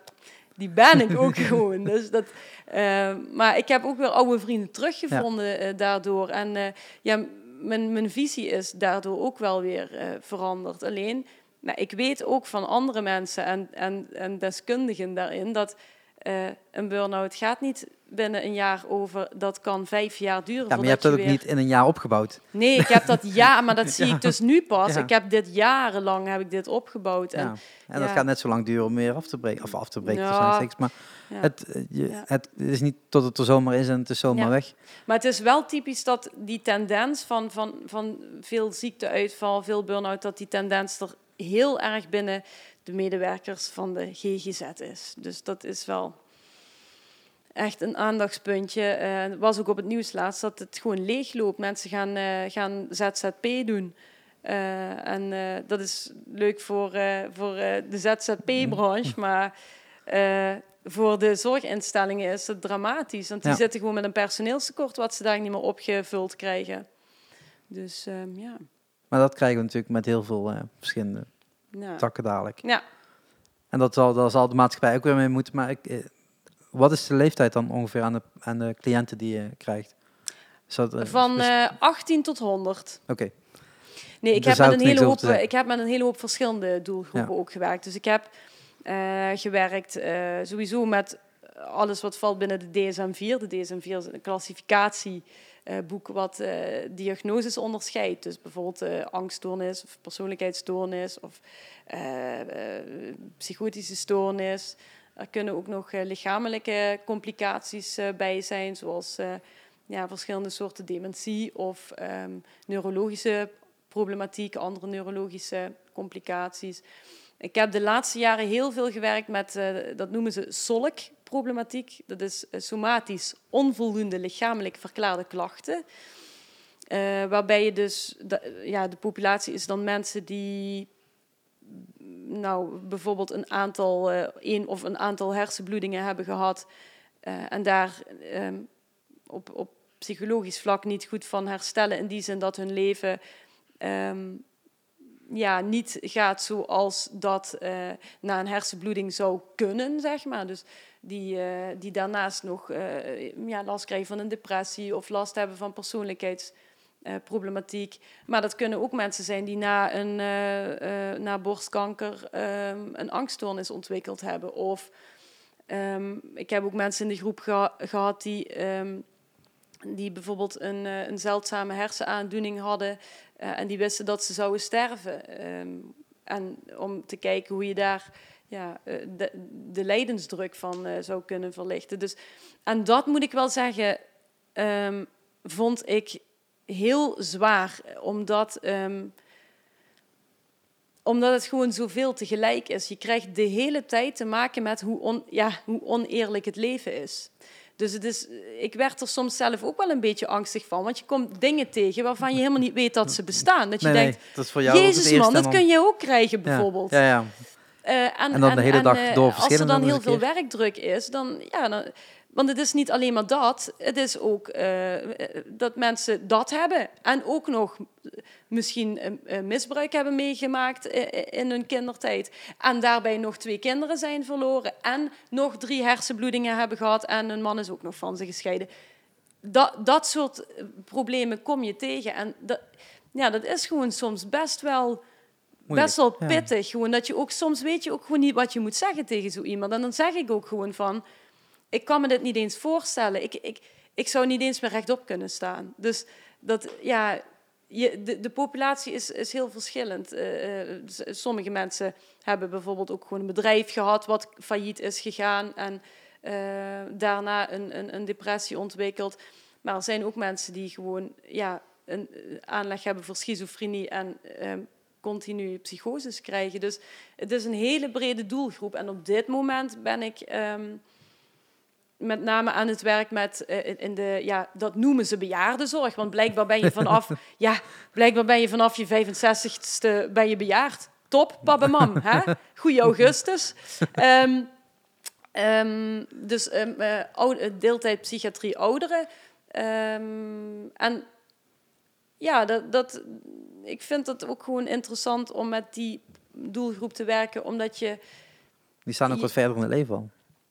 Ja, je, dan- leert er, je leert er ook, vind ik, gewoon best wel veel van. En ehm, vooral omdat ik ook best wel geïnteresseerd ben ehm, in het verleden van Limburg, sinds ik eh, Het Geluk van Limburg heb gelezen. Super interessant eh, dat je ook bepaalde dingen kan plaatsen.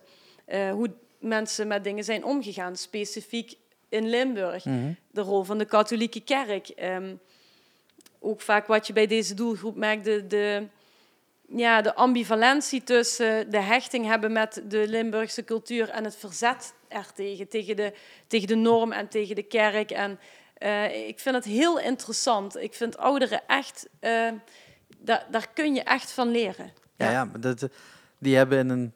eh, die hebben een ja, niet, niet, klinkt heel neerbiedig dan weer. Ze hebben een bepaalde tijd afgesloten, waar wij weer zijn begonnen. Zij hebben een aantal veranderingen meegemaakt die voor Ja. hun destijds heel snel zijn gegaan. Ja. En zij komen eigenlijk nu weer in een nieuwe tijd, waarin wij, hè, de jongere generatie, daarin zegt: we gaan nog eens een keer vier keer zo snel Ja, ja weer een ver- echt, verandering doormaken. Ik, eh, En jullie gaan even mee. Ja. Eh, hier is je bankpas.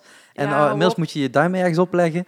En dadelijk is het die iris-scan en dan hoef je ik heb iemand met zijn telefoon moeten, moeten helpen eh, deze week. Ja, dat is, dan is het even hilarisch als triest eigenlijk. Dat je denkt, dit is hierop helemaal niet ingespeeld. Terwijl Nee. voor die mensen is die technologie juist hartstikke top. doen. Als Ze je hebben de hele technologische, technologische revolutie Ja. meegemaakt. Alleen Ja. ging dat van... Het gaat van zwart-wit naar kleur op de tv. Ja, En verder blijft het redelijk hetzelfde. ja, En inmiddels gaat het zo hard dat het inderdaad heel moeilijk bij te benen is. Wel wel ge- gericht eigenlijk op die, op die oudere generatie. Dat het, eh, dat het moeilijk is om aan bij te benen. Dus ik kan me ook wel voorstellen dat zij ook wel bepaalde hulp nodig hebben om misschien zich daar ook wel weer een plek in te geven die, is, eh, in deze huidige zo, maatschappij. ja, ja.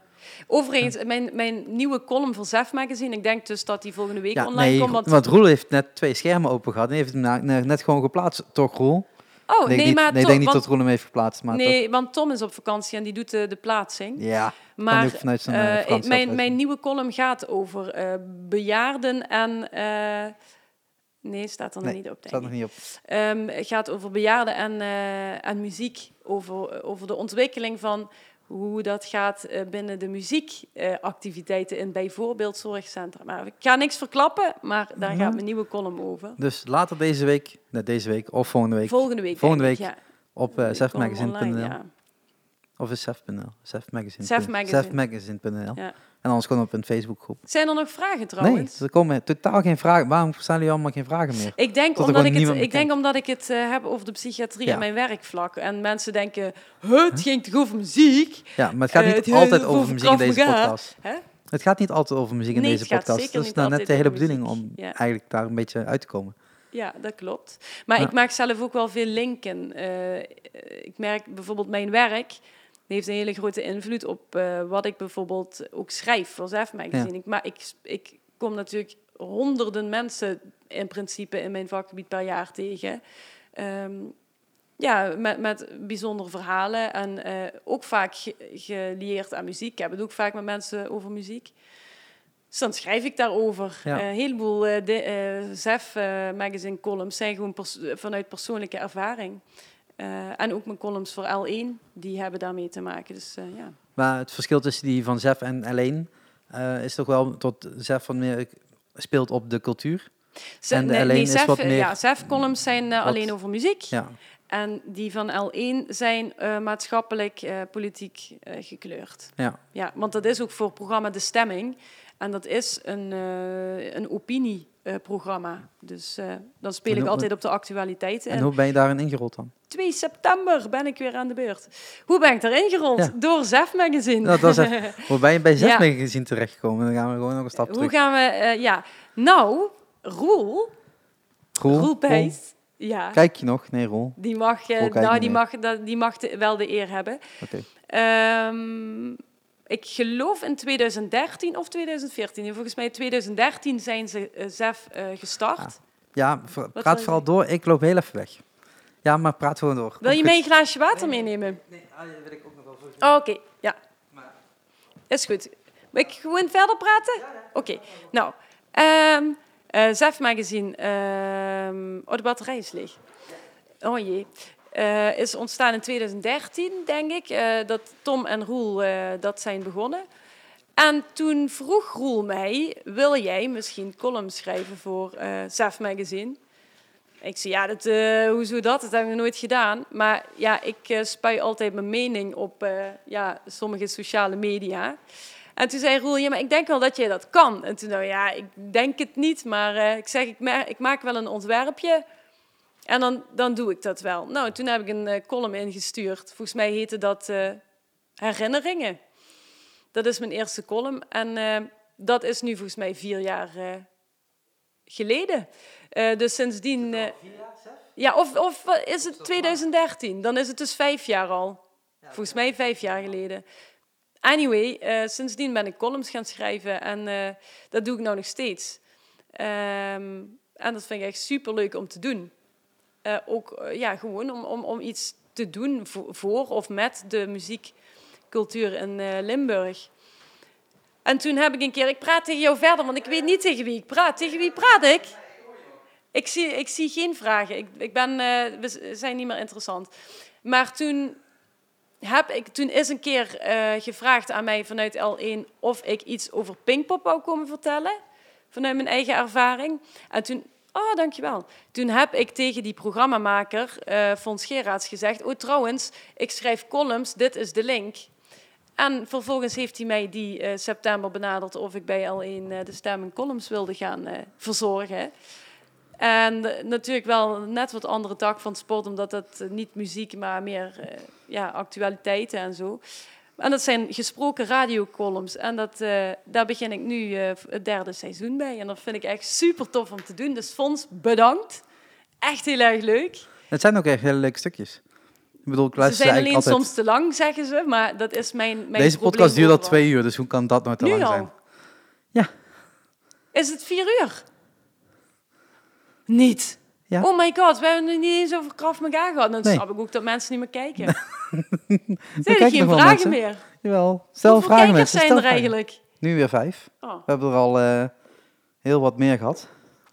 oh, Er iedereen zijn al is 92 opmerkingen en 19 likes. Dus eh. Oh, maar het waren er nog vragen? Weet ik niet. nee, nu nog niet. Oh, Ze hebben vertraging, hè? dus als je die vraag stelt, duurt het heel even voordat zij het oh, horen. ja, oké. Ja, nu was het twee keer. Dus hey, eh, weet je wie me heeft gebeld? Fons.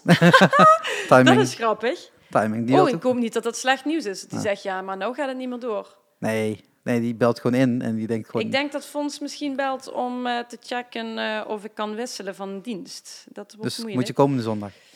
Ik moet 2 september. Ja, maar dan moet je opeens komende zondag, als hij wilt Nu, zo, morgen, overmorgen. Ja. Oh, dat lukt. Ah, Ja, nee, dat, want ik doe altijd. ehm, ik doe altijd. eh, Ik, we krijgen op vrijdag de agenda eh, van, van het programma op zondag. Eh, en ik mag wel eerder gaan schrijven, maar ik wil mijn columns zo actueel mogelijk houden. En ik wil een beetje inspelen op het programma. Dus ik begin pas zaad, vrijdag of zaterdag te schrijven aan mijn column voor zondag. oh, dat Ja. gaat nog best rap. Ja. Eh Mir- Mirjam Siebe kijkt mee. Hoi zegt, Mirjam!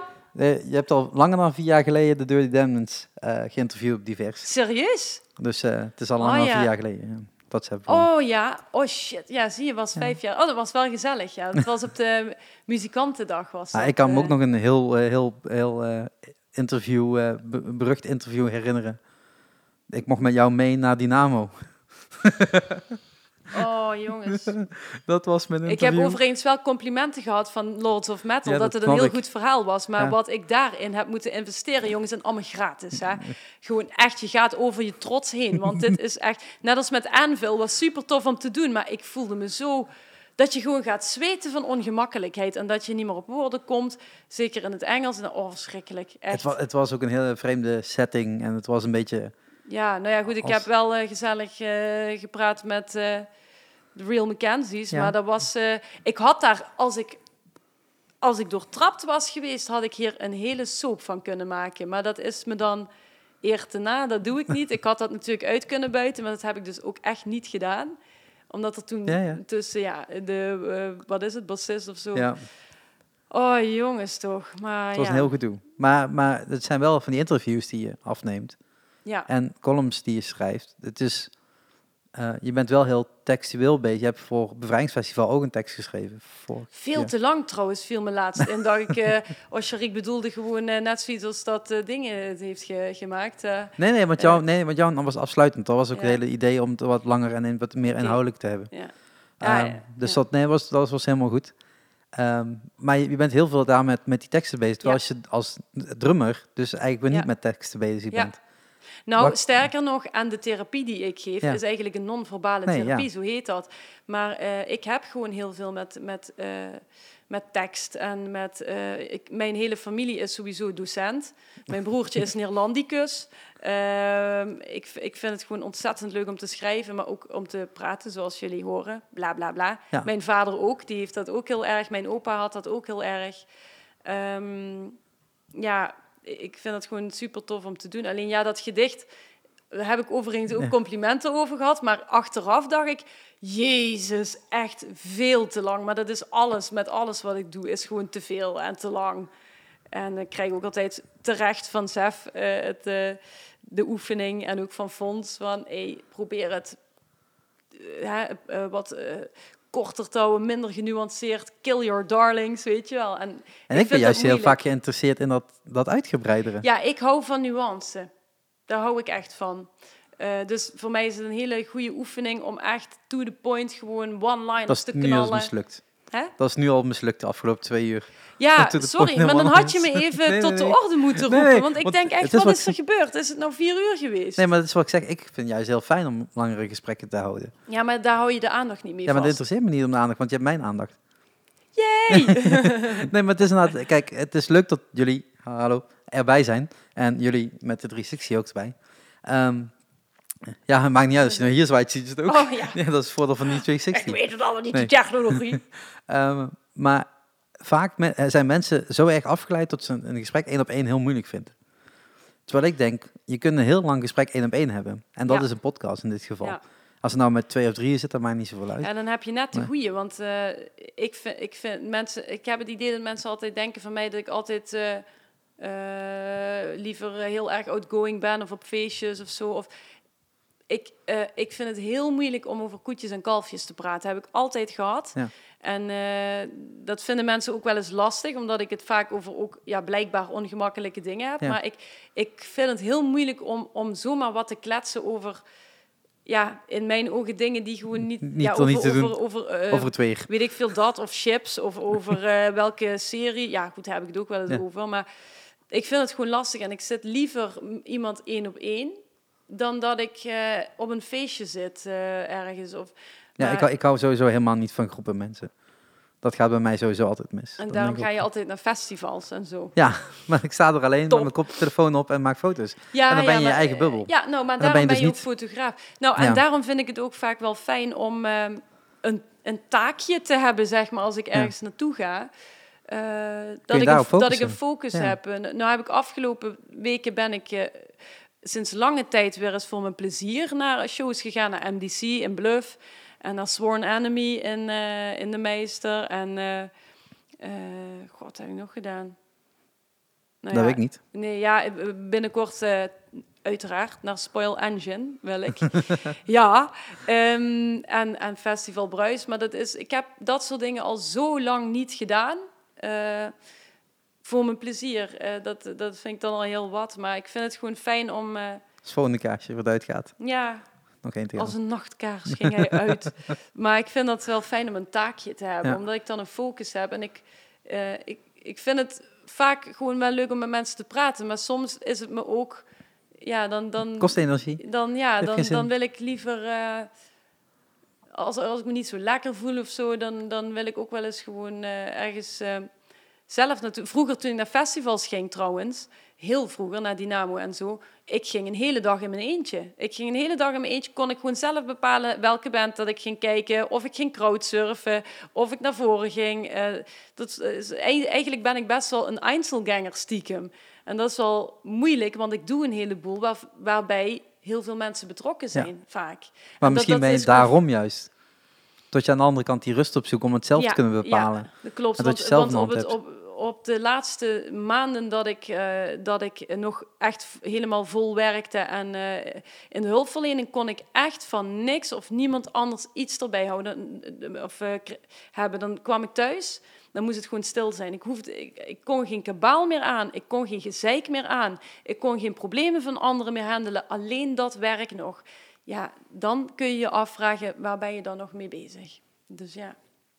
Maar als je dan nu, nu naar shows toe weer gaat in je eentje, dan is het ook wel weer misschien het, het opnieuw opbouwen of zo. Misschien tot daar het dan ook wel in zit. Ja. Destijds ging je alleen, nu ga je weer alleen en ga je gewoon weer... Nou ja, ik ga dan wel weer- samen met iemand ja. of ik, ik, ik, ik, Je ziet er altijd mensen, ja, bekenden. Maar ik, eh, ik hoef niet meer zo nodig eh, ja, per se in de moshpit te staan. Nee. Sowieso niet meer. En na de laatste keer dat ik een blauw oog eh, heb gekregen, dat doe ik dan wel eh, bij Krav Maga. maar eh, nee, ik, ik, ik wil gewoon zelf kunnen bepalen wanneer ik ga Ja. eh, en wanneer ik ook er naartoe Ja, ik had Ja. dat met de Stones op Pinkpop. Ik reed weg, s ochtends, ik werd opgehaald. Normaal gesproken rijd ik altijd zelf. En op het moment dat we zeg maar thuis wegdraaien, zegt die gast... Oh ja, en we gaan ook naar de Rolling Stones kijken. En ik denk, fuck jou.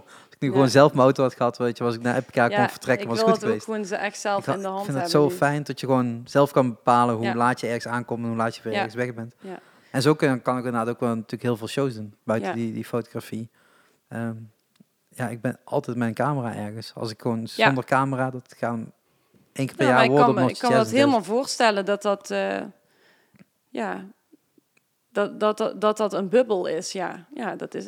Ik bedoel, Ja. ik, heb, ik heb jarenlang met een fotograaf eh, een verkering gehad, hè, Ilvi. En volgens eh, mij ken ik die nog van. ja, die ken nog wel. Dat is, dat is nog steeds een heel Ja. goede vriendin. Ik ben eh peetante van hun, hun kind nu. Ehm, maar die, eh, ja, die had het, want die, die, die had helemaal niks met die muziek. Eh, die ging met mij mee eh, als ik moest spelen.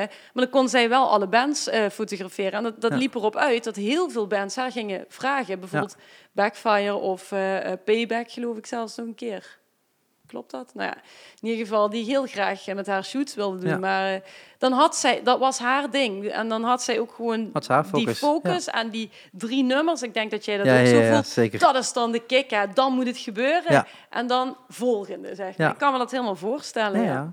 ja vanavond eh, gelukkig geen drie nummers, maar de hele show. ja. ja. Eh, wat ook, ik heb vorige week dus ook toevallig bij Refresh gedaan, ook een hele show, was een uur lang. En ik kende die hele Rochelle niet, geen idee wie dat was. En het heeft me niet verveeld een uur lang en dat is alleen maar positief. Normaal gesproken denk ik van ja, na een paar nummers, het is wel goed geweest. ja. Maar met zo'n band eh, is het dan heel tof om toch weer langer te, zijn, eh, te fotograferen. Dat je dan ook gewoon andere momenten uit een show kan vast, vastleggen. Dan alleen maar, ik mag maar drie nummers en that's Ja, it. ja. Dus voor nieuw, eh, nieuwe bandjes, laat gewoon fotografen de hele show toe. Ga niet onzin dingen doen. Ja, maar nou moet ik wel zeggen, ik bedoel, ik heb respect voor eh, jullie, eh, jullie soort. voor jullie, soort. Maar echt, ik heb me ook wel vaak echt geërgerd aan fotografen die de hele tijd voor me stonden met hun camera. En dat ik dan dacht, ja kom op zeg man, ik zie niks. Ik ben al best wel klein. En dan ga je Ja. nog met je fotocamera liggen zwaaien. Maar ja, is een beetje afhankelijk van, van eh, wie je doet. En, en eh, waar, aan waar je staat. aan waar je staat. Ja, ja, dat als, klopt. ik, eh, als ik redelijk de vrijheid krijg van bepaalde bands, dan, dan sta ik niet alleen maar vooraan, maar ben ik overal. Maar je moet wel ook de tijd daarvoor krijgen. ja. En ja, ik heb een keer een, een, een shoot gedaan in de P60. Ik weet Ja. of je dat kent. ja, ja, ja. Heel klein zaaltje. En dan ben ik heb daar een keer gespeeld volgens mij, klopt dat? Ja, met mij met synthetica. eh, was, ik de, was ik de enige fotograaf. Dus hadden mij een heel mooi pershekje gemaakt, zeg Ja. maar, vooraan. Maar er waren ook dvd-opnames. Dus ik iedere keer als ik ging rechtstaan, zie je mij op die DVD. Ja, Dus het was tof, ook, dus het was ook iedere keer zo van, oké, ik ga nu foto's schieten en weer bukken. En dan weer onder een bepaalde lijn blijven, Ja. dat je weet dat je buiten de camerabeelden uitkomt. Ja, dat, het is afhankelijk van hoe je werkt. En sommige fotografen kunnen daar echt totaal niet mee omgaan. En ik hoop dat ik bij de goede kant hoor. Dat ik niet te irritant ben voor... Nou, voor mij mensen. niet, maar je bent ook niet zo groot. Nee, dat is Dus- een heel groot, ja, een heel groot nadeel en een heel groot voordeel. Ja. Soms eh, is dat eh, gewoon super irritant als Ja, je ja, bij, eh, bij hoge podia staat. Dat je dan echt alleen maar de tenen ziet. Ja, ik Tenen weet niet het. ziet, zo moet ik zeggen. Dus ja, dat is een beetje, beetje afhankelijk. Maar je hebt net al een paar keer aangehaald, want die moet nog wel Iemand nog- zegt wat. Ja, iemand zegt wat. Mirjam Siebe zegt en bandfoto's, haha. Wat en bandfoto's. Ja, dat bedoel ik. Dus ik kan dat wel zeggen, maar het heeft geen toegevoegde... Ja, dat, dat, dat je eh, en bandfoto's. Oh ja, niet natuurlijk. Ilvi heeft Ja? eh, voor Dirty Denims heeft ze bandfoto's gemaakt. Oh, wat erg. Sorry Oh. hoor. Nee, dat klopt. Ja, ja, ja. ja, en ik ben nog een keer met Ilvi mee eh, gegaan naar ehm, eh, Zwarte Cross. En toen speelde Dirty Denims ook. Super vet festival trouwens. Ja. En toen ging zij hun ook fotograferen. Dat klopt. Ja. Ha, Nou, dus goed dat- opgemerkt. Ja, ja. Ja. En dat weet ik toch niet. Hm, geen idee. ja. Ehm, nee, maar je hebt nou een paar keer aangehaald. eh Magna. Zeg ik het goed? Gra- Nee. Graf? Nee, Magda is een vrouw. Nee, Magna. Maar Graf Maga. Mag- Maga. Mag- Ja, nee, Ik, ik loop daar misschien een beetje over op te scheppen, maar, eh, eh, ehm, maar omdat vertel, jij het daar zelf, omdat jij dat Ja, zelf ik- vaker aanhaalt van, oh, kunnen we daar niks over doen? Of, eh, Ja, ik weet nog steeds niet wat het is. nee, Je hebt het alleen niet Maga over. is eigenlijk officieel niet een, eh, een vechtsport, want het is geen sport, het is een techniek eh, die ontwikkeld is door het Israëlische leger. Of in ieder geval ehm, door Israëliërs en het Israëlische leger heeft die vechttechnieken overgenomen. Maar ondertussen is het een wereldwijd erkende ja, vechts- gevechtstechniek Ja. die ook bijvoorbeeld politieagenten eh, krijgen of, of eh, het leger. Of ook die eh, wordt ook in films vaak gebruikt. Ehm, maar ehm, het wedstrijdelement is er niet. Dus je, daarom is het, het is ook geen sport. Net zoals kickboksen bijvoorbeeld, er gelden bepaalde regels ook voor. En daar kun je punten mee scoren en daar heb je wedstrijden. Ja. Maar Krav Maga is echt gemaakt om iemand uit te schakelen. Op het En dat moment, vind jij leuk om te doen. ja, op het, nee, op het moment dat je niet meer anders kan, heet dat. Hè? Ja. Eh, eh, je- je leert wel van, op het moment dat iemand zegt, eh, geef me je geld, dan moet je dat gewoon doen. Ehm, en, dan, en dan moet je wegrennen. Welk Maar op geld? het Heb je al rondgekeken hier? Welk geld? Ja, Ja. precies. Ja. Maar op het moment dat iemand jou wil ontvoeren, bijvoorbeeld verplaatsen van A naar B, of wanneer iemand jou wurgt van voor of van achter, of als iemand je met een mes bedreigt of met een pistool, dan eh, eh, aanleren hoe je eh, kan reageren. En dan is inderdaad het doel niet natuurlijk diegene doodmaken, maar wel diegene echt Uitschakelen. uitschakelen, zodat hij ook niet meer kan en wegrennen. Dus dat betekent ook dat je Maar vaak... het is een verdediging dan. Ja, het is zeker een verdediging, ja. Maar wel gemaakt om door te gaan. Dus je, ja, om te vechten. Dus, eh, Ja, ja, maar het initieert niet. Het is niet als Nee, eerste. Het is gewoon... nee, nee, Ja, weet niet. Nee, nee, nee, nee. Ik weet nee. niet. Hey, Nee, het eh. is echt... Nee, sorry mensen. Nee, het is, nee, zo agressief ben ik eh, helemaal niet. En ik ben ook echt heel bang aangelegd. Dus eh, nee, het is echt om te verdedigen. Ehm, op het moment dat je niet meer anders eh, kan. En eh, ja, dan gaat het wel eh, vaak om de edele delen. Hè? Dus eh, te schoppen, te mappen of... eh, o- dus Ja. of eh, op het kruis of eh, op de ogen of... ehm, eh, maar in ieder geval, ja, je, ja. Je, je loopt er behoorlijk wat blauwe plekken mee op, kan ik je vertellen. En ik heb altijd geroepen dat ik dat wilde gaan doen. Ik weet eigenlijk ook niet meer waarom, maar eigenlijk al een paar jaar. En ehm, toen was ik afgelopen jaar was ik jarig. Dit jaar was ik jarig. een keer. Als goed is ben je ieder jaar Al heel, jarig. heel lang geleden. ja, en toen kreeg ik van mijn, eh, van mijn ex-vriendin kreeg ik tien lessen Krav Maga. En dat was, dat was nog in een periode dat het eigenlijk nog steeds niet echt goed met me ging. Dus ik dacht, shit, gek, hè, nou moet je. Want het is niet, oh, je probeert het één of twee keer uit en dan klaar. Want die lessen die zijn natuurlijk betaald. Dat kan dus Ja, ja. niet. Nou, dus met horten en stoten eh, ben ik daar toch aan begonnen. En ja, uiteindelijk heb ik toch een, eh, een abonnement genomen. Ik vertelde net al aan jou, Ja. eigenlijk was er zomerstop. Ja, ja. Gisteren was, eh, was weer les. Een excuus Maar ik durfde niet te doen. nee, ik durfde niet zo goed, omdat het wel eens voorkomt dat ik er dan eh Bondenblauw uitziet. bondenblauw uitzie. Ja, meestal niet in het gezicht als het goed is. Het gebeurt wel eens. Maar ik had ook mijn vriendin al een paar dagen niet gezien, dus het was een goed excuus om toch nog even een week te wachten. Maar ik, ik doe dat nog steeds en ik vind het ook echt vet om te doen.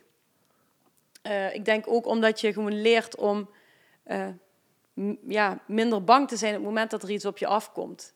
Er komt iets dreigends op je af en je leert dat, daarmee te dealen.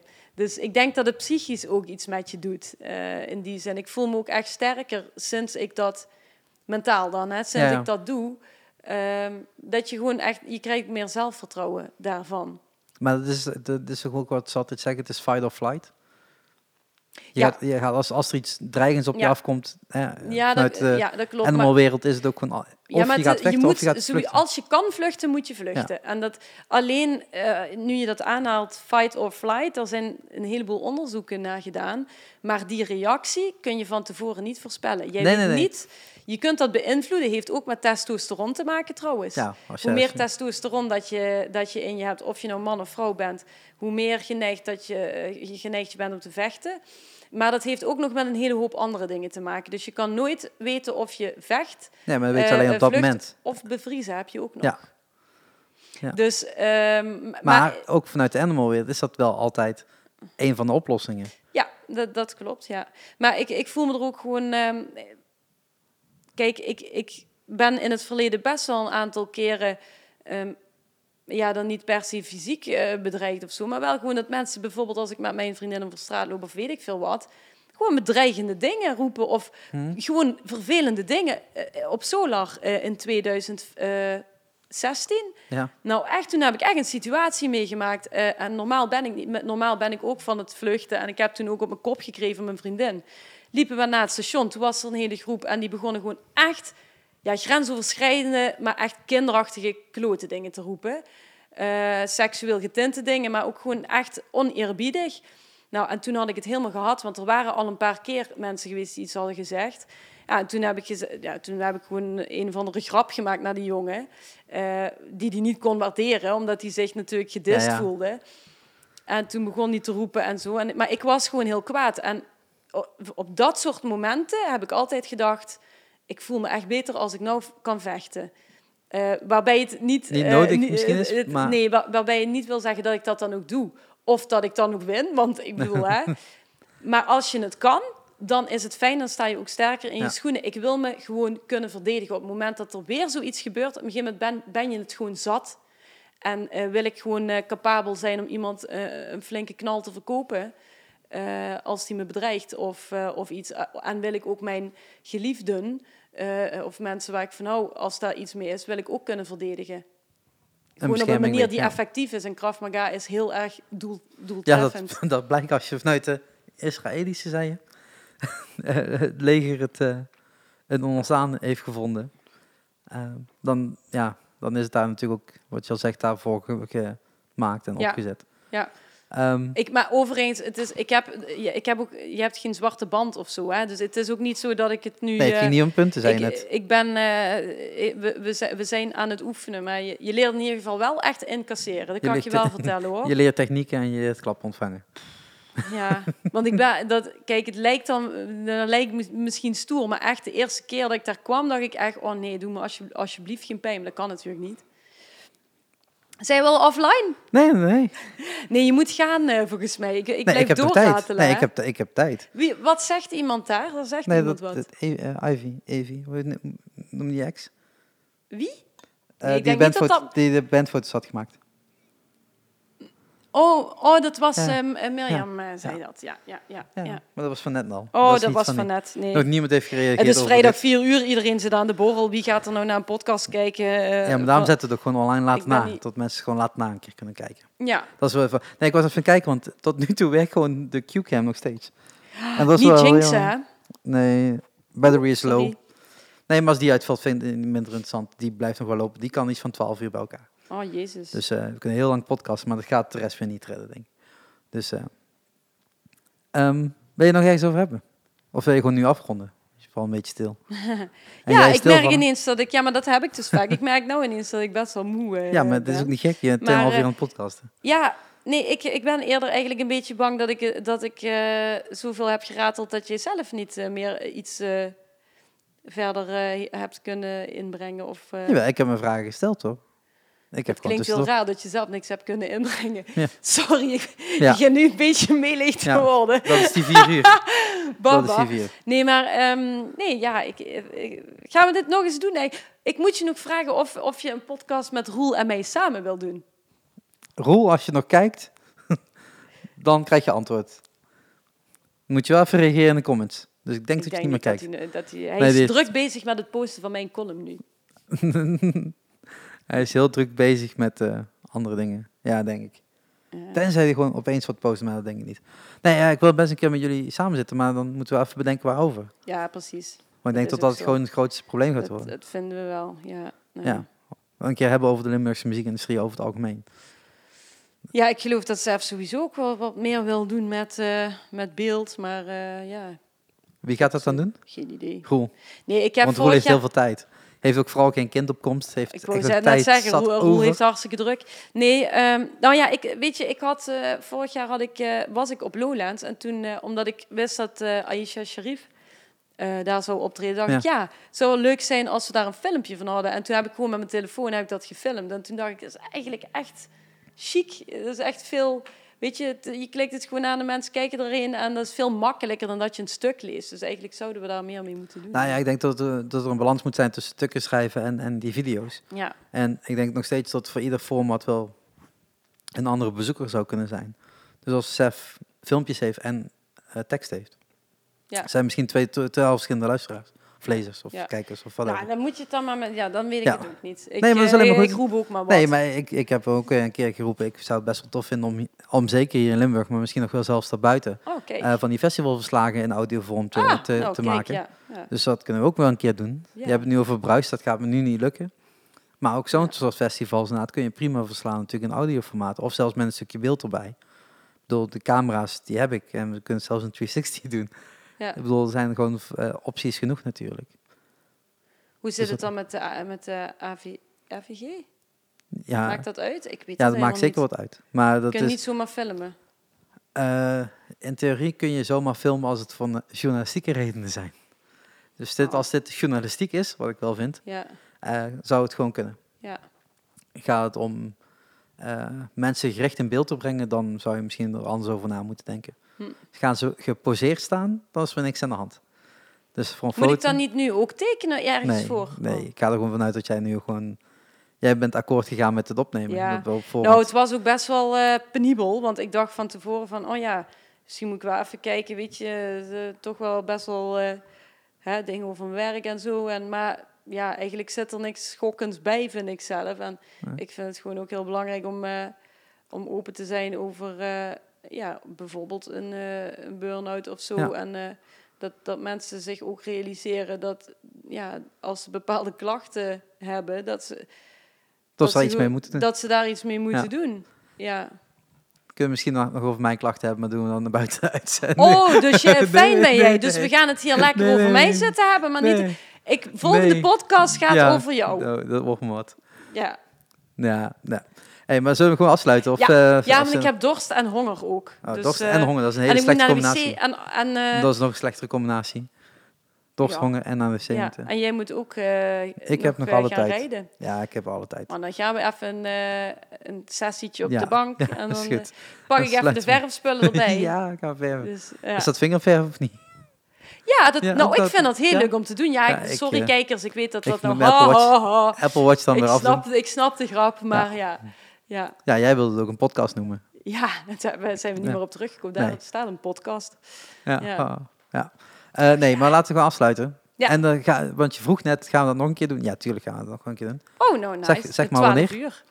Ja, je wilde toch iets met Ja. die 12 uur? eh, nee, doen? 24 uur was het, hè? 24 uur. Ja. Maar dan wil je verschillende mensen tegelijk. Ja, en dat, dat was dus een beetje het idee waar het... Ik vond dat, dat het concept van, van 24 uur met vind ik echt super tof. En dat is gestopt, dus waarom Ja. kan niet iemand anders het op, overnemen? Oh, ja, ja, ja. dat programma is gewoon heel tof. Aan de Oh, andere kant zo, heb je ja. natuurlijk Kijken in de Ziel, wat ik een heel tof programma vind. Ja. Om gewoon dieper op in te gaan over één, één onderwerp. Ja. Maar dan moet ik mezelf ook een stuk veel be- beter, beter voorbereiden. Want Nou, dan assisteer ik je, want ik dat is mijn dat ik vak, hè. gewoon niks heb gedaan voor dit. Eh, want dat zijn gewoon eigen vragen die je hebt. Maar dan bij zo'n. Kijken in de Ziel ga je natuurlijk een stuk dieper op in en bereid je daar iets meer op voor. Ehm, en ik heb natuurlijk die, die, dat, dat afgeleide van eh, DVD ESE, de podcast waardoor ik dit ook onder andere Oh ja, ja, ja, oké. En dat was ook 24 uur. Ja, En die hadden inderdaad heel veel gasten gewoon. En die kregen gewoon... eh, Om de zoveel tijd kwam er wel weer iemand binnenlopen. En dat vond ik ook wel heel tof om misschien een keer te doen. Ja. En misschien met 12 uur of 24 uur.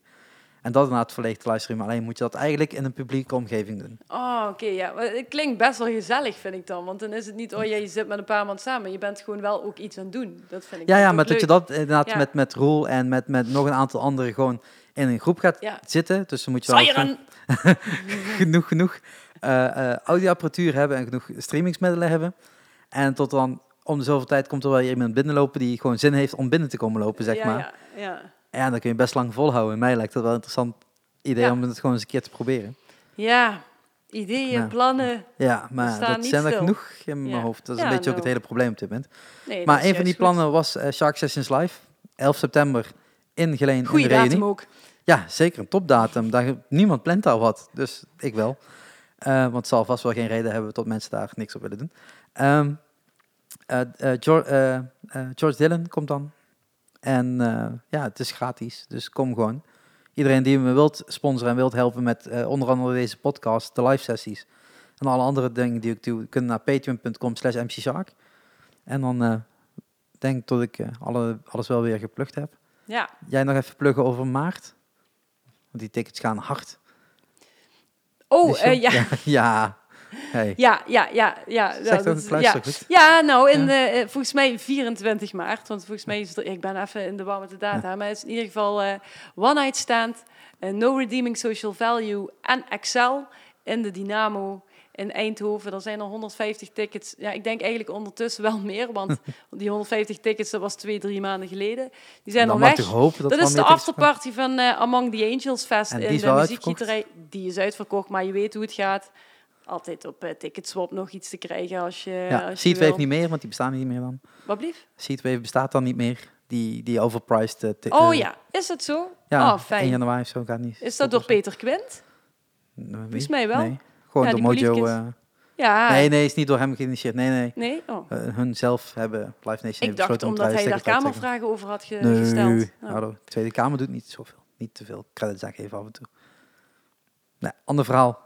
Weet je wel wie Peter Quint is? Nee, dus... eh, Eh, eh, dat-. Die zou je eens moeten nou, podcasten. hey, kom maar. Kom maar in de podcast. Die die SP'er die zonder jasje in de kamer zit. oh, ik vind het prima. Ik heb ook die gevraagd voor hardcore de liefhebber. nieuwe burgemeester van Heerlen.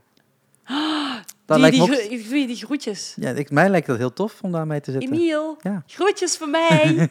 Mij lijkt het gewoon heel tof, maar ja, dan moet je wel komen. Jawel, dat Ja. doet hij wel. Ja, dus eh, misschien geen 2,5 uur, maar hey, een uurtje is ook prima. Ja. Nou, Dus, over eh, muziek heeft hij wel veel te vertellen. ja, want Emiel Roemer metal. die eh, houdt van metal. Ja. Metal hard, ja. Metal. ja. Dus dat wordt een heel leuk gesprek als dat ooit een keer zou plaatsvinden.